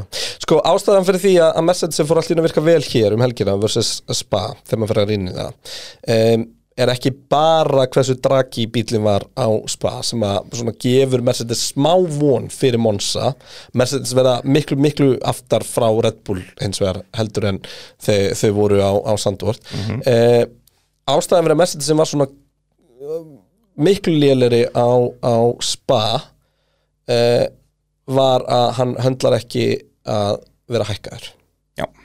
og ég bara, ég er búin að leita af skýringum og fekk þessa bara frá mjög, mjög tröstu sorsi að mínum mati að þarna er raun og verið liggur uh, hundur í grafin hjá uh, Mercedes ef að bílinn þarf að fara hærra og þetta er það sem er hægt með þetta Þetta er teknikar það sem við sáum líka bara í byrjun tímabils. Þeir voru að reyna að les, losna þetta porpoisinga.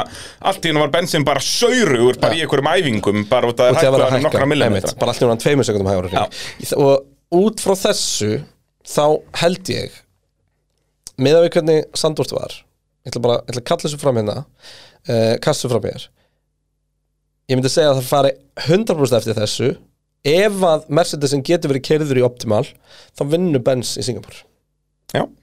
ef hann getur það ekki þá verður þetta bara svo Monaco og hann verður bara, þú veist, með í tímatökum og svo veistu það gerist ekkert eftir það Já, bara En- verri. Já, þannig að hérna uh, en ef að, nú bara, ég bara það er svo langt svo um að Singapur, ég man ekki hvernig það er þar en mér minnir að hún sé tiltölulega góð en betur heldur en Monaco sem Götubraut og svona, þú veist, Malbyggslega séð Já. að hérna, Já, hún er það. já, þannig að ef þetta þetta er allt ef og hefði, skilur eins og Mhm. kapastur er, en ég ætla bara að henda því fram hérna Herru, höldum áfram Já, líka bara talandi ef við förum aftur aðeins í Red Bull við kannski tölum ekki um þetta technical directive þar en, en það að Red Bull var hraðast í bílinn á Sandvort það segir okkur það bara að Red Bull er að fara að vinna alltaf keppni sem eftir er ef að ekkert kemur upp á Já, nema kannski Nema Singapore, kannski því að hún er Singapore. wildcard sko. Já. uh, Eitt áhugaverð, talandum um það út í því að núna fóru nánast allir aukumenn að skoða aftari hlutan á Red Bull bílum eftir keppni og Já. það er semst vilja meina það að, og það er eitthvað sem er að gerast er að uh, í datanu er DRS-ið að hafa svo lítil áhrif á Red Bullin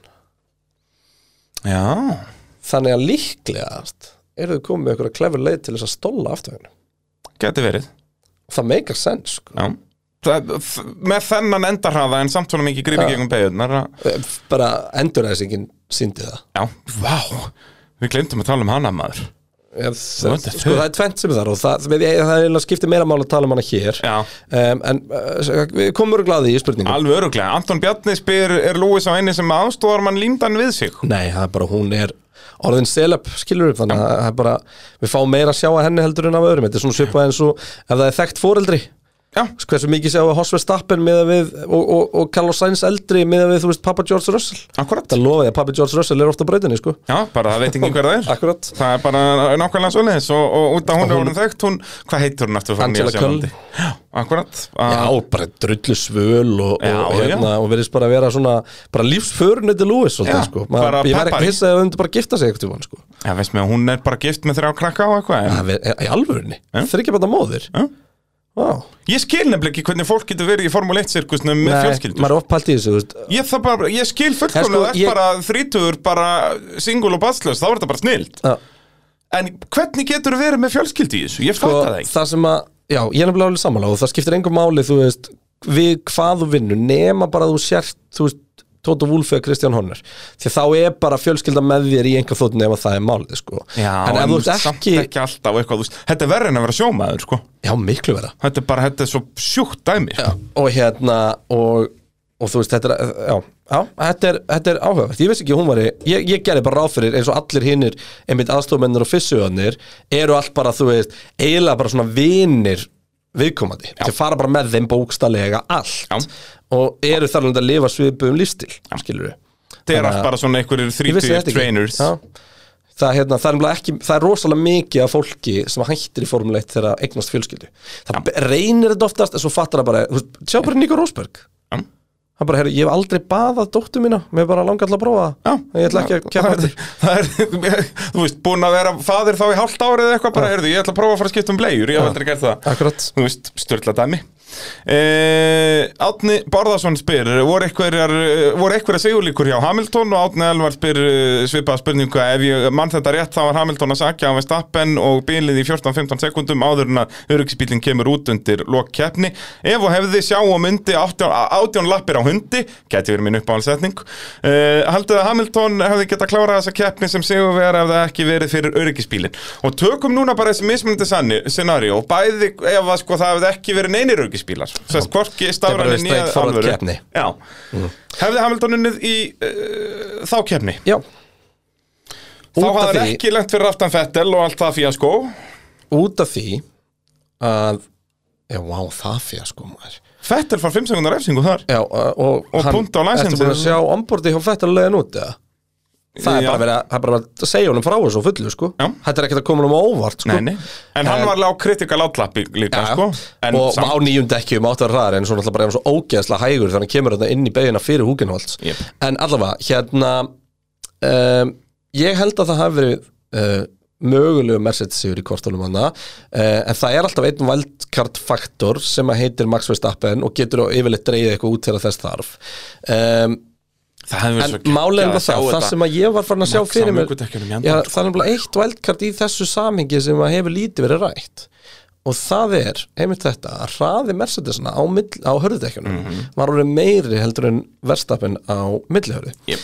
og þetta stemdi í að verstapin kæmi út og þá voru við með einn risastóra wildcard hann kemur út þriði Jep. með George Russell á milli og, Á fimm, sínum hörðudekkjum. og svona fjagra fimm sekundna fyrir þetta fetteldæmi var held ég alveg fjóra fimm sekundur á milli þeirra, Mhm. en meira jafnvel uh, buffer í Hamilton, Mhm. þannig að þá hefði þurft eitt defend like a lion í nokkra ringi Sem hann út af gæti því- samt ekki gert út af því að Ég er- rekkurinn pakkar hann svo á Nei, ég beinakaflanum. nefnilega er ekki alveg vist því að sko, ef við tölum að þessum endurreysingun líka það er nefnilega annað þar eh, sem við þurfum að tala um en, en, en sko, gefum klárum þessa okkur, pælingu. gefum okkur að rössal þú veist Myndi ná að halda honum kannski Þe- þrjá hringi. Já, þessin er þess að það er möguleik hérna Já. en þá er bara spurningin miða við að mjúkudekkin voru farin að gefa eftir á áttunda hringi og sæns þá voru, þetta- var þetta spurningum, var Max að fara að ná að taka einu og halva sekundu á Hamilton og hring og halda því til þess að komast fram úr honum eða Væri hann ekki bara væru búin dekkin með dekkin við ekki að bara- taka fram úr Russell? sko? Já, og ég nefnilega er ekki frá því að það hefði geta verið málið Já. og það virtist ekki vera neitt issue að fara til loka ég meina Hamilton var með hröðustu mönnum á brautinu en undir restina og hérna, það sem hann verður þeim að falli Mercedesins var og uh, mér finnst þetta lélegt að mörgu leiti að hérna að Russell fái þarna að skipta um þessi dekk því hann var bufferinn líka því að má- vandamáli var ekki bara það að, að maksa miklu hraðari, jari, jari, jari, allt þetta þú veist Lewis og Russell er, Lewis í þessu tilfelli þurfti hring til að koma hitt í dekkin Já. og þar vantaði hann um ringin þar sem að, ok, þótt að verstafinni farið fram úr rössli endurreysingunni, þá var hann mögulega fræðilega komin með eitthvað líf í dekkin til að berjast Já. en ef þú horfir á hraðamunin þegar að, þú veist, Hamilton gefur í út úr beigjunni Verstappen getur farið svo miklu hraðar á gjöfuna hann er komin, hann, hann er komin meiri hrað en hann bara 5 metrum eftir beigjuna Já. þú veist, hann var alltaf að fara að svífa fram úr Ég alltaf bara, ef eitthvað er, var var hann bara tæpur að fara fram úr allt of snemma. Já. Bara- þannig að hann er hérna en ringin eftir, ok, jú, þú veist uh, það tekur hann nokkar ringi Russell fer náttúrulega líka fram úr á mjúkum dekkjum og Hamilton missir Leclerc en þetta tók þrjá ringi eða eitthvað því að Hamilton náttúrulega var bara í bakkir hana en svo bara stanaði hann þar og hann hjekk bara svolítið í Leclerc alveg til loka Já, samt tveim sekundum eftir, skilur Já, en þá er alltaf líka bara fætið og trúin og gleðin og allt farið, skilur. Já. Allavega, ég, ég persónulega held að Mercedes hafi kasta frá sér öðru og þriðasæti. Já, algjörlega Þú- Eftir á ekki átti þeir alltaf þegar örgisbílun kom að henda Lewisinn þar á En sko, það voru, það voru, það voru tvö scenaríu þarna sem þú gaskert. Orðum þessu, það eru þrjú scenaríu sem þú gaskert. Tvö þeirra hefðu tryggt annað og þriðasæti og gefið möguleik og sigri.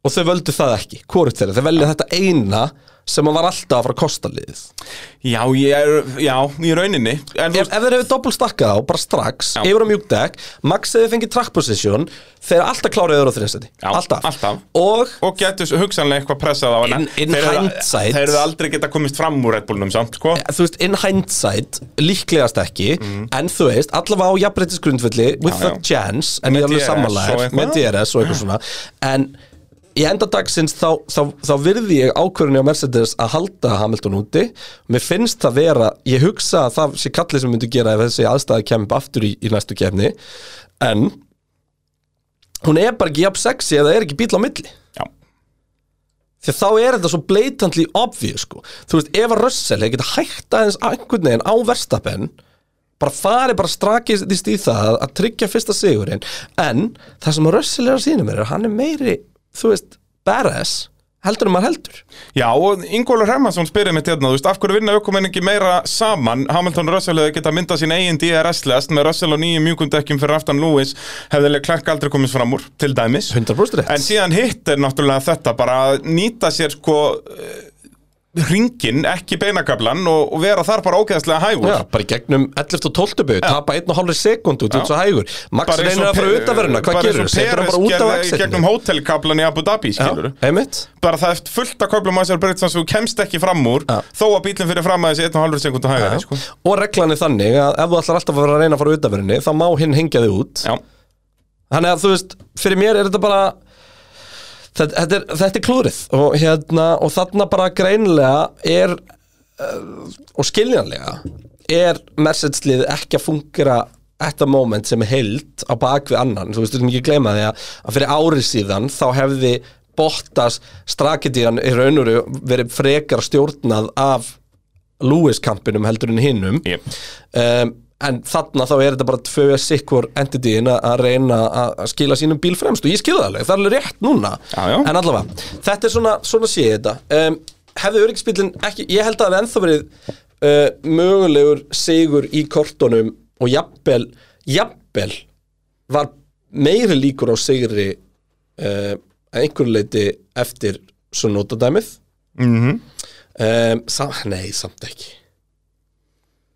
Já, Ég held ef að- að millihörudekkin hefði farið fram að fjallinu svo stemdi alveg í, sko ég held að sem sagt, mestu sigurlíkur Benz hefði verið að það var engin öryggsbíl hann komið út Já, ég er sammála því, ég er sammála því og, og þar held ég að það er bara mjög góðar og það hefði líka bara orðið svo geggju keppni að Nei, sjá það sko Max sjóðandi undir restina Á móti nýjum mjúkum gamla dekkum, sko. ekki fjandanum Já, þetta er með, störtlað. með hérna uh, ekki endakall en, en næstu því endakall hérna, á milli sín og á heimavelli með blís út um allt og allt brjála Já, það hefur verið geðugt það hefði verið störla sko Já, 100% Þannig að hérna En svona fór þetta og uh, ég ætla ekki að segja að Max Verstappen er ekki verður sigurveri, það er engin veginn að segja það en ég held sem sagt eins og ég er að lýsa þarna það var fræðilegur sigur í kortunum fyrir Benz Já, algjörlega og hérna og það var ég ekki að tala um fræðilegur sigur út af því að Russell hefði ítt Nei, Max nei, nei. út af eða eitthvað svona kjaftaði Nei, nei, bara að bílinn átti möguleika á sigri hérna var bara mjög, mjög raður í Var, kefnisra og voru þeir ekki nær sigri hér heldur en í Selvestón?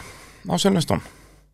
Ef maður Jú, talar um út þetta bara af svona því in að- factual terms út af því að það er engin þarna þú veist Max var vangbrotin þar, skilur við, Já, bílinn var nákvæmlega. bilaður og- Max og hafði Leclerc- verið lang, lang fyrstur. Og Leclerc var fórnað, þú veist, það er alls konar svona Já, st- stöf það nákvæmlega. Þar, þar hefðu Mercedes orðið sko sigurvegar á aðstæðum Já. sko. Hérna hefðu Mercedes orðið sigurvegar 100% á ein, eigin Já, kannski ekki, þú veist, á því að vera með hraðasta bílinn en á því að vera klárust Já, með góða strategi Já. Það En- er bara þannig einstoppa strategía er þannig að þú, þetta er alltaf Já. hætta öryggisbíli setjum hluta keppnar þú veist, annarkvort getur bjargar út í áttinni frítt stopp eða gjössamlega rústað kennsálninni Já. og í þessu tilfelli þá, þá fór það þannig skilur Já. Það er bara nákvæmlega svoleiðis uh, Þá held ég þetta sé bara komið hjá uh, Mercedes áður en við tölum um Alpín að þá verðum við að minna á verkværasöluna uh, dásamluðu Milwaukee verkværin sem að uh, það er hægt að kaupa uh, og við tölum um batterín þetta er svo sniðut í það, það eru bara 200 batteríum M18 batterín, það eru yfir 250 verkværi sem að uh, nota það batteri og svo M12 batteri þar sem eru uh, já, 100 verkværi sem að nota það batteri þannig að þetta er alltaf eh, sömul hlænslustöðarnar og stöfið þannig að þetta er dásamlega dásamlega verkværi að vinna með hérna, sko.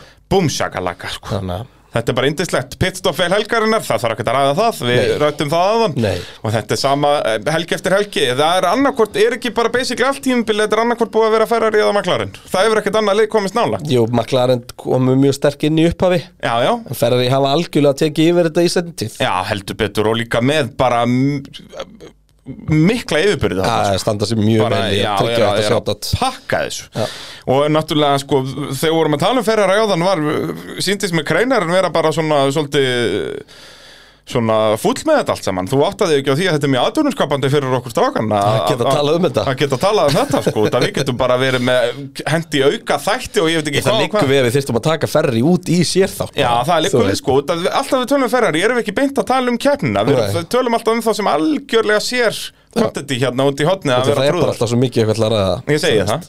Þannig að þetta er mjög andrunskapandi fyrir okkur og þess vegna er ég mjög sáttur með Ferrari hvernig þeir standa sig sko. Og Já, já. sérstaklega þetta með að byrja með hraðasta bílinn og svo bara skella sér í fýblagangin sko. Þetta er alveg Þeir eru alveg með þetta, okkar menn. Uh, Alpine Renault uh, eru í fjörðasætti, náða auka fórtkvölda á McLaren, ótrúlegt en satt. McLaren augljóslega með, já allavega fyrir hluta helgarinnar var bílinn augljóslega fjörðirhæðasti bílinn á brautinni. Uh, Alpine eru í 12. og 13. sætti í tímatökum, loksins, loksins geta McLaren farið að, að minka bílið, uh, en nei. Nei, við slum ekki gleyma því að að Alonso náttúrulega missir uh, Q3 sæti sitt út í hann tefst fyrir aftan Peres Já. og uh, átti, átti hæla að vera inn í Q3 en þú veist, þarna aftur kemur munurinn sem við varum að tala um inn í byrjun þáttar þú veist munurinn á að vera með Esteban Okkon eða Fernando Alonso í bílnum er að Fernando Alonso vinnur sig upp fyrir keppinutin upp fyrir eina liðið sem að skipti máli fyrir Alpín að vinna Já. Okkon gerir Og það ekki Alpín nýtti sér náttúrulega líka bara svona kaosið, skilur, hefði þetta verið vennileg keppni hefði það aldrei náði fyrir Norris Já, og gamla mm, eru hugrauk og gamla á hörðdekkin greinilega með einhverja meiri upplýsingar en hinliðin eða þú taka bara En hvað sjansin Norris gamlaði líka, Já, þeir þetta- voru alveg var þetta ekki, mér minnir þetta fóru reynda hafi mjög snemma á því, alveg bara á þetta voru, 15. þetta voru Mercedesanir þetta voru hérna eða sérst á milli hörðdekkinum í byrjun Mercedes nei, Alpín fór á mjúku og svo yfir á milli Já. hörðdekki Þess vegna voru, nei, nei, á hörðu sem sagt, Já, ég, fyrir ekki, mjúkur ég, er að á men- ég er að menna það, Já. ég er að menna það. Þess vegna voru Já. eins með Norris, fóru gett snemma á hörðu, þú veist, þannig ég er ekki viss hvort þeir eru komist til enda, sko. Nei, Þeir Jú. fóru inn bara á 14. 15. ring, sko. já Þannig að það Mér er minnir Alonso að spurning. fyrir hann á átjóndar reyndar, hann hjekk heldur lengi En eins og við tölum um uh, Alonso búin að skora stegin núna í síðustu tíu keppnum þannig að núna sko eftir hræðilega byrjun er hann núna bara sjöstegum eftir okkon uh, Nákvæmlega Þeir eru þarna í níunda og áttunda seti heimsvæstaramótinu en liðið örugt í, í fjórðasettinu með 125 steg Ógeðslega vel gert hjá Fernando Alonso Heldur betur uh, og eins og segja, Alonso er búin að skora þetta steg í síðustu tíu keppnum Alpín er eina liðið sem hefur skorað steg í uh, síðustu fimm keppnum Já, og svo sleiklega með Alpinir að fara að stinga maklarinn á á Monsa sko. Já, Já þetta var Þar- takkifærið hjá McLaren Ég er bara, ég er ekki viss um að maklarinn verði í stigum á Monsa Nei. Satt best að segja Ég held ekki Nei. Kannski að Norris ná eitthvað nýjunda, kannski Ég heldur reyndar að, að Monsa verði besta keppnindan í Ricardo árinu og það er bara út í að brautin er svo allt, allt, allt öðruvísi að hún krefst allt annars frá aukumunum Ætla hann vinn ekki liðsfélagin, hann verður 11. og Norris 12. Akkurat, verður eitthvað svona eitthvað þannig. nothing to show for it Þannig að hérna um, þetta, þetta verður eitthvað þannig hugsa ég en, en akkurat, þú veist, þeir verða þarna eitthvað stærri kringu tíundasætið Já. Og hérna, í rauninni, stærsta sagan þessa helgina, já, er að Alpín á braut sem að var svo 100% McLaren braut, náður að auka fórskoti, þannig að bilið er núna komið í 24 stig úr 20. Og McLaren, það, þeir þurftu þarna að græða svona 10 punkt á það, sko. Já En það er náttúrulega McLaren, ef við förum bara beint í þá, Þetta er bara Landon Norris á móti Alpín sko. já, það vantar aukumann með Landon Norris.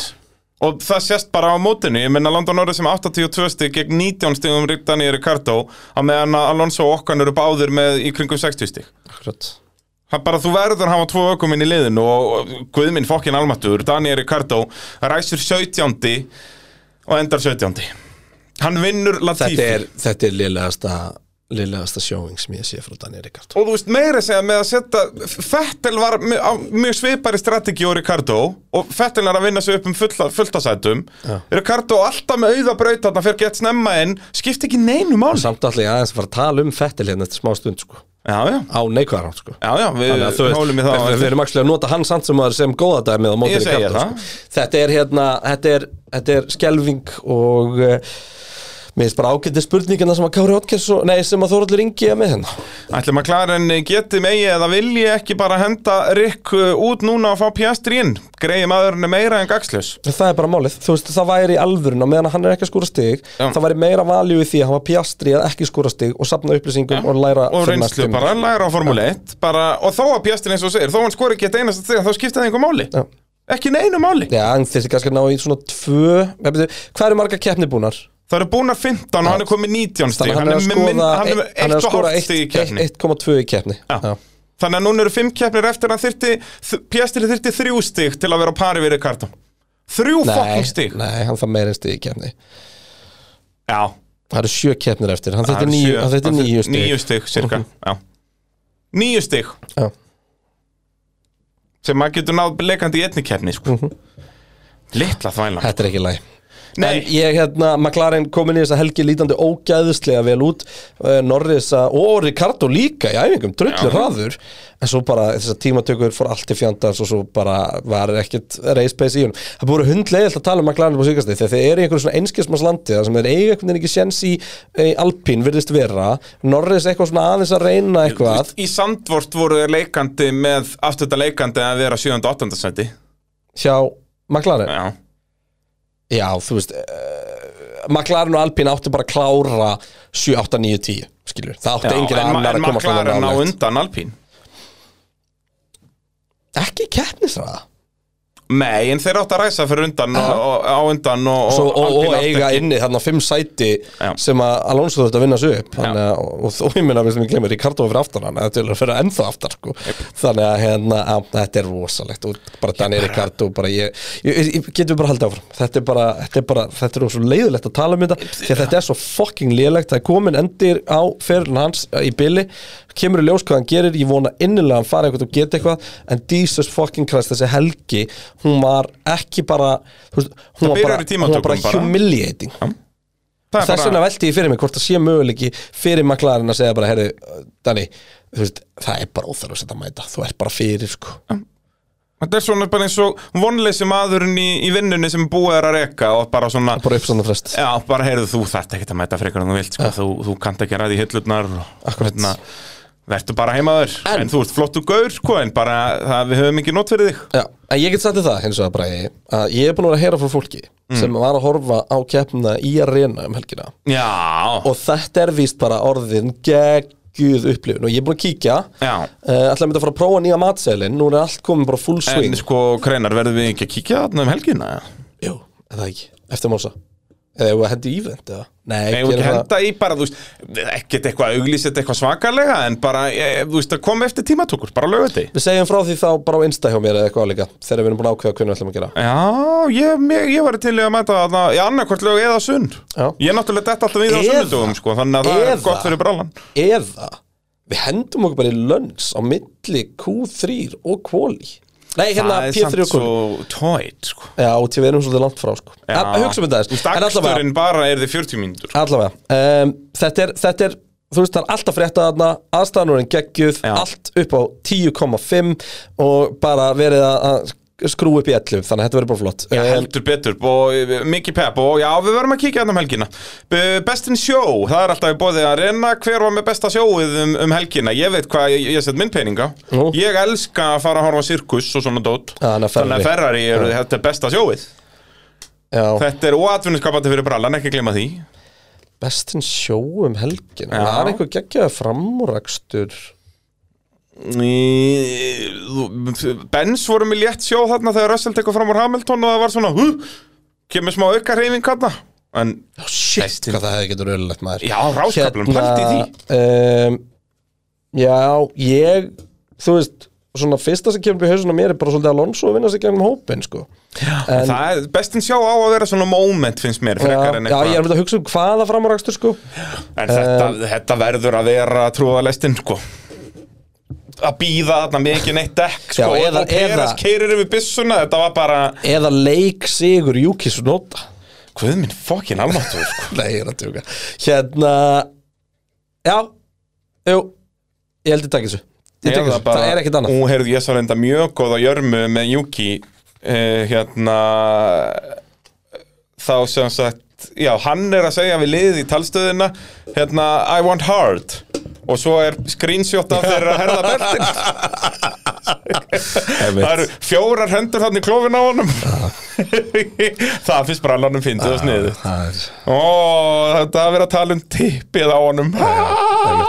Það er mitt Búin að koma því ótrúlega oft að hérna já, ég er búin að tala núna mikið um getnarlim í þessum þætti, ég, þetta er bara dásanlegt Höldum áfram Uh, Alfa Romeo uh, eru í sjötta setinu stigaless þessa helgina og að sjálfsögur sprakk Ferrari mótor aftan í Alfa Romeo bílnum Já, hvað er næsta leiði það? Það, Nei, alveg, hvað ætlar að tala um? í nákvæmlega, það er bara þetta Það er ekkert að tala um hva, hva, Alfa Romeo er efst á lista en það er ekki með DNFs Jú, er ekki Þetta er orðið fáránlega mikið sko 1, 2, 3, 4, 5, 6, 7 eh, Þetta er samt bara eh, 8 DNF Já, en hversu mörg eru, þú veist, DNF það sem hann er, þú veist klára, þegar hann springur undir restina Já, og er í níunda seti eða eitthvað skiluru Já, þá, þá er svona, þá er hann að krossin Já, þú veist, já, alveg rétt, já, þannig að þetta er miklu meira já, þannig að Bottas 1, 2, 3, 4, 5 hann er með 5 af 15 keppnum dettur hann úr leik Já. Joe er 1, 2, 3, 4,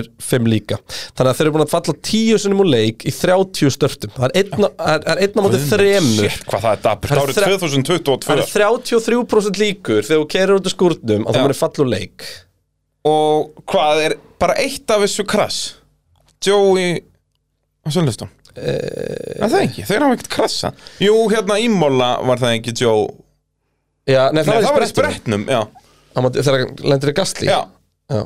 þá er þetta bara eitt krass held ég. Bottas ekki með neitt Jú, hérna síðustu kefni spa Bottas fyrir malagrifuna Fyrsta ring Já, öðrum Já, hring. já, þegar, þegar Latifi kollektar hann hann Já, alveg rétt, alveg rétt Annars held ég að sé ekki Baku var ekki í veg Nei, það bilun, hann sprakk bilun. mótur Þetta er Heldur, aðeins þetta er bara svona 1980s dæmi Ja. bara, það er eitt þriði líkur á þetta úr það er ruggla dæmi Haas er í sjönda seti skorið heldur engin stig og núna er þetta bara að Nei. fara að vera Eh, Eitt samt, það var nú pínu gráðlegt fyrir Mick Schumacher því að hann alltaf er geggjaður og kemst inn í Q3 og ræsir áttundi eh, Það er ákveðið að henda honum á millihörudekkin sem að þýtti það að hann hrundinu listan í startinu og svo var eitt sem við sáum ekki en fyrsta stoppið hans var 12,7 sekundur Já. Uh, stengur mig við að spyr hérna voru Haas viljandi að skemma fyrir mikk með fáranlegum pitstoppum þetta var bara alls ekki gott segir hann Við spottum þetta með ekki í útsendingu, þetta var ekki Nei. sínt En sem sagt, það sem gerist er að framtjakkurinn setur bílinn ekki niður Já, hann er bara uppi Það þurfti bara að ríkikkbólum undan á endanum sko. bara jankonum undan bara, já.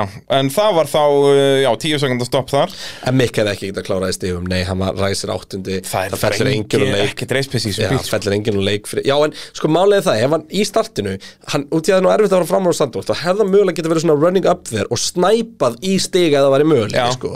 tekið svona stróla á þetta Já, og verið í rauninu bara nákvæmast því á þeim stað tekið svona albón og spa verið í þeim pakkanum Já, eða bara stról, skilur núna Þannig að, já, en ekkert að frétta á Haas og, og En eina sem með er, stról eina Hérna, gerir sem þetta er hinn áttina Stról vinnur svo alltaf upp í tíunda Ég er hann að tala um ræst- albón og spa með að ræsa hann að sjötti og enda tíundi já, Þú veist En sko, en það sem að í raun og veru er svekkjandi með þetta var að Mick var að standa sér drullu vel og hann er náttúrulega undir djúfisins pressu Já, en, hann þú veist- pakkaði linsfélaganum þessa Já, helgina en heldur að muni það einhver, hvað kláraði hann? 13. Það er málið, það er bara 13. og 15. skilur Það man það enginn, sko Nei.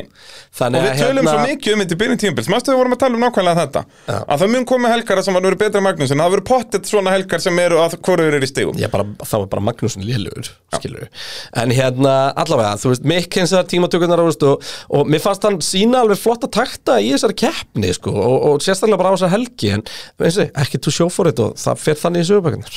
En málið er núna, þetta er farið að vera ágefni á Haas út af því að keppnisræðan er ekki neitt og maður sér ekki fram að þeir sé að fara að skora fleiri stig uh, á meðan Aston Martin eru komið upp góðan keppnisræð og er alltaf að tekinn stig, vissulega alltaf bara eitt í einu en uh, já, þeir eru með 25 stig núna gegn 34 hvað er þetta, 9 stig hann á milli uh, Eh, Og Alfa Tauri í áttundasettinu, þeir eru með 29 stig en það er eins með Alfa Tauri, þeir eru ekkert að skora neinn stig, Gastli skorar stundum eitthvað Já, hven, já, þú veist, uh, sá bílan og heldur betur líka búin að vera dindóttur. Já. Þeir, hérna, maður sjá, um, Gastli skoraði síðast í Belgíu, Já, bara núna. Juki skoraði síðast stig á Spáni. Já, sæll 1, 2, 3, 4, 5 Saman var bara fimmta keppni tímabilsins. Það eru nýju keppnir búnar það sem er stegalus Það er sturla Holy moly Nei, fyrir ekki, ekki Spáni Jú, Spáni Jú. Já, Spáni Pælti því, Alfa Tauri hafa aldrei verið með double point finish Nei. Aldrei Það Já, er, sko- enda eru þeir hann í skýtnum í áttundasvætti og, og er að fara að missa Aston Martin framfyrir sig þar er það ekki Ég myndi segja að Aston minn allavega lendi í áttunda með að við keppnum Já, ef við ekki taka öll þessi lið enda Jú, bara svona jú, jú, í heild jú, því að þetta er um bara, að- um að gera. það er ekkert að tala um hérna Já, sko, við erum búin að fara við svo nota þannig Já. að við þurfum ekkert að ræða það meira Nei, sko. um, sko eina sem að ég myndi segja er að mér finnst Fettel bara búin að vera drullu liðlega sem tilkynnar hætti Já, hann, Gerir þú veist, hann að mistök í hann, er, tímatökum? hann, er, hann er bara gæðir sem bara vinna upp uppsandafresti sin já, þú veist og hérna það er núna stról bara í því að safna stíðunum maður safna alltaf einu í en af einu hverju bara, var Aston alltaf einu hraður þarna í tíma, Þú veist, það er náttúrulega grátlegast af þessi mistök sem Fettel gerir í tímatökum er að loksins var bílinn hraður í tímatökum Fettel var bara frá, þú veist, hann var svona með að við að að Alpjörnir fjallu leik þá var Fettel bara að fara að vera næstu maður fyrir það Norris held ég Jú.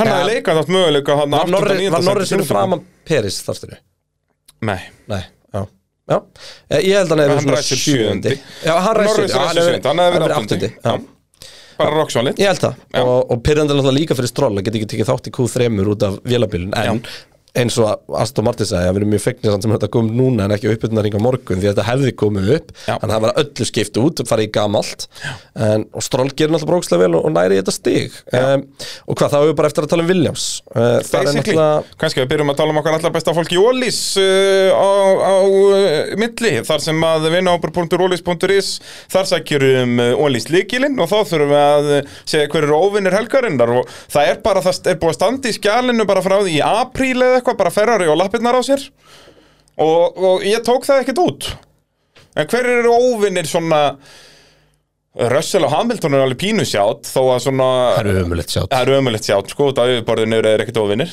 En það var ábyggla pínu pyrringur aðna á milli liðsins En e,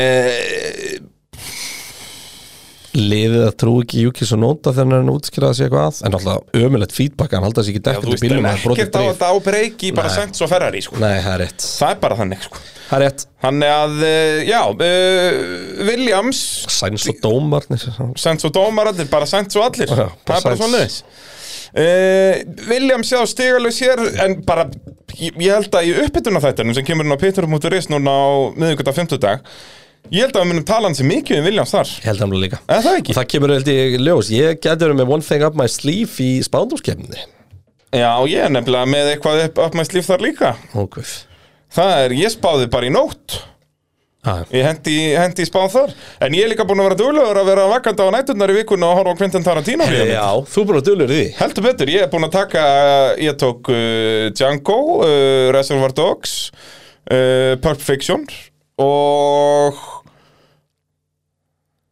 og Once Upon a Time in Hollywood Já Búin að taka þær fjórar En já, ég hef aldrei hort á Kill Bill Já, það er inni Já Þær eru báðurinn á Víampli líka Það er sérst allt Tarantino safnið er bara komið inn á Víampli Hendur Þetta þér, er opposis vinsla Og líka myndin sem er svo st- ekki official í Tarantino mynd heldur hún hérna From Dusk Till Dawn sem hann er eiginlega aðalega bara leikari en ég held að hann var í pródusur líka eða eitthvað og eða 100-200 í mannend ekki e, Skiptir ekki öllu máli en þá komið að spátumskeppni Petsins Já Ég held að Eh, ég hafi skorað svolítið vel þessa helgina Já, það er náttúrulega munar um út að við vorum ekki með sama sigurvegara sko. Það eru fjóru puntar þar sem þú fær fyrir maxinn á meðan ég er meðlega klörk og fær þá í rauninni mínus tvö fyrir það Já, já, já, já, ég ætla að vera að segja, herri, já, ég er með réttan velunapall þrjá, en nei, ég er náttúrulega, ég svissaði Russell og Hamilton. Já, sko, við höldum alltaf áfram að setja Leclerc í annarsætið þó hann hafi ekki lent í öðru sæti síðan í Miami, sko.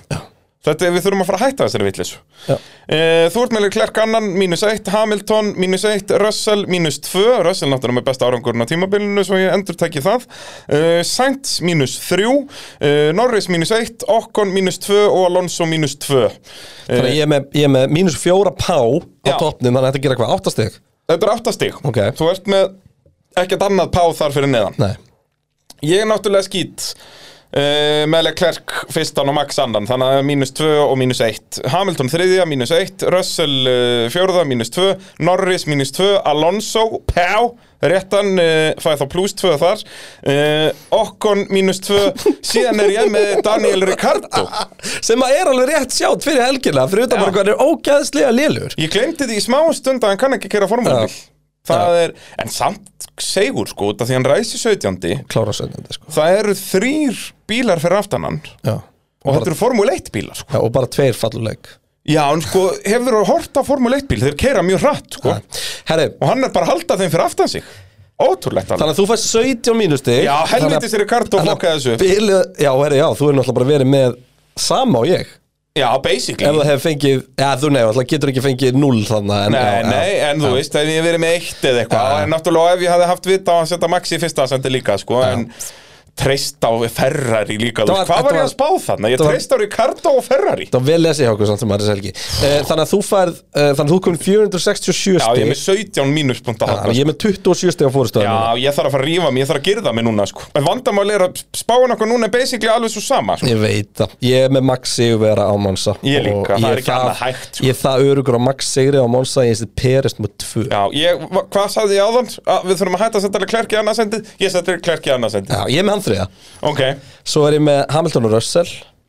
engan sæns Nei, ég er með Hamilton og Russell Ég er með Russell Hamilton sem ég breytti bara áðan þegar þú settir inn þína spá Þá hvað ég að breyta þessu bara þannig að það væri ekki alltaf nákvæmlega eins Svo er ég með Alonso Svo er ég með Alonso Svo er ég með Okkon Svo, Svo er ég með Okkon er ég með Alexander Albon Svo er líka með Alexander Albon Það gengur ekki Nei, ég skal svissa, út í að þú svissa hinnum Ég skal svissa Okkon og Alonso Ég hendur bara einhverju öðru nafnið þannig inn Já, hverju? Ég veit hann ekki, þú veist Akkurat. hvað, hver er að fara að vera Jú, bara Aston Martin getur Nei, já, þeir voru hraðir á núna, þeir voru ekki hraðir þarna Þeir voru ágættir að spa samt Hverju voru góðir, þú veist, á fyrsta tímatöku svæði á spa? Albon Já, en þú veist, eh, s- Sett þú Latifi rólegur kýfer Alveg Alveg er þess að rólegur geðu veit að fá Páa Latifi Ég held, heyrðu, þetta verður 2008 stemming Hvað verður rigning á Monsa, alla helgin og Latifi vinnur Búm, þeir heyrðu það fyrst hér Það er bara Staðfest, svoleiðis. skjálfest og þinglist Latifi- Getum ekki beðið Latifi er Arton Senna bara nútímann Sann Ég geggjaði svissaði þess rigningu að okkur Alonso, ég er búin að Ok. gera það í skjálnu Ok. Þannig að hérna, ekki að fyrir Basically er Alonso þetta Já, allt, þetta uh, er alveg nákvæmlega eins. nákvæmlega eins sko. Við erum, Þetta er ekki leið fyrir mig til að græða stig Ég, ég þarf að taka sjensa til að græða stig Já, Latifi Herri, ég er með batterislusin, ég sé ekki einu sinni hvað ert að gera Já, það er flott maður En við erum við ekki bara að kveðja Ég að held sinni. það. Við, það kemur uppbytna þáttur fyrir Monsa á pitturinn.is Minnum á Pittin Live fyrir norðan eh, eftir tvær vikur. Áskóðsandi Og reynum að kíkja eitthvað um helgina. Já, við kíkjum líka Á, eitthvað um á, helgina á reyna eh, Allt eins og það á að vera uh, bara pitturinn átt að sinni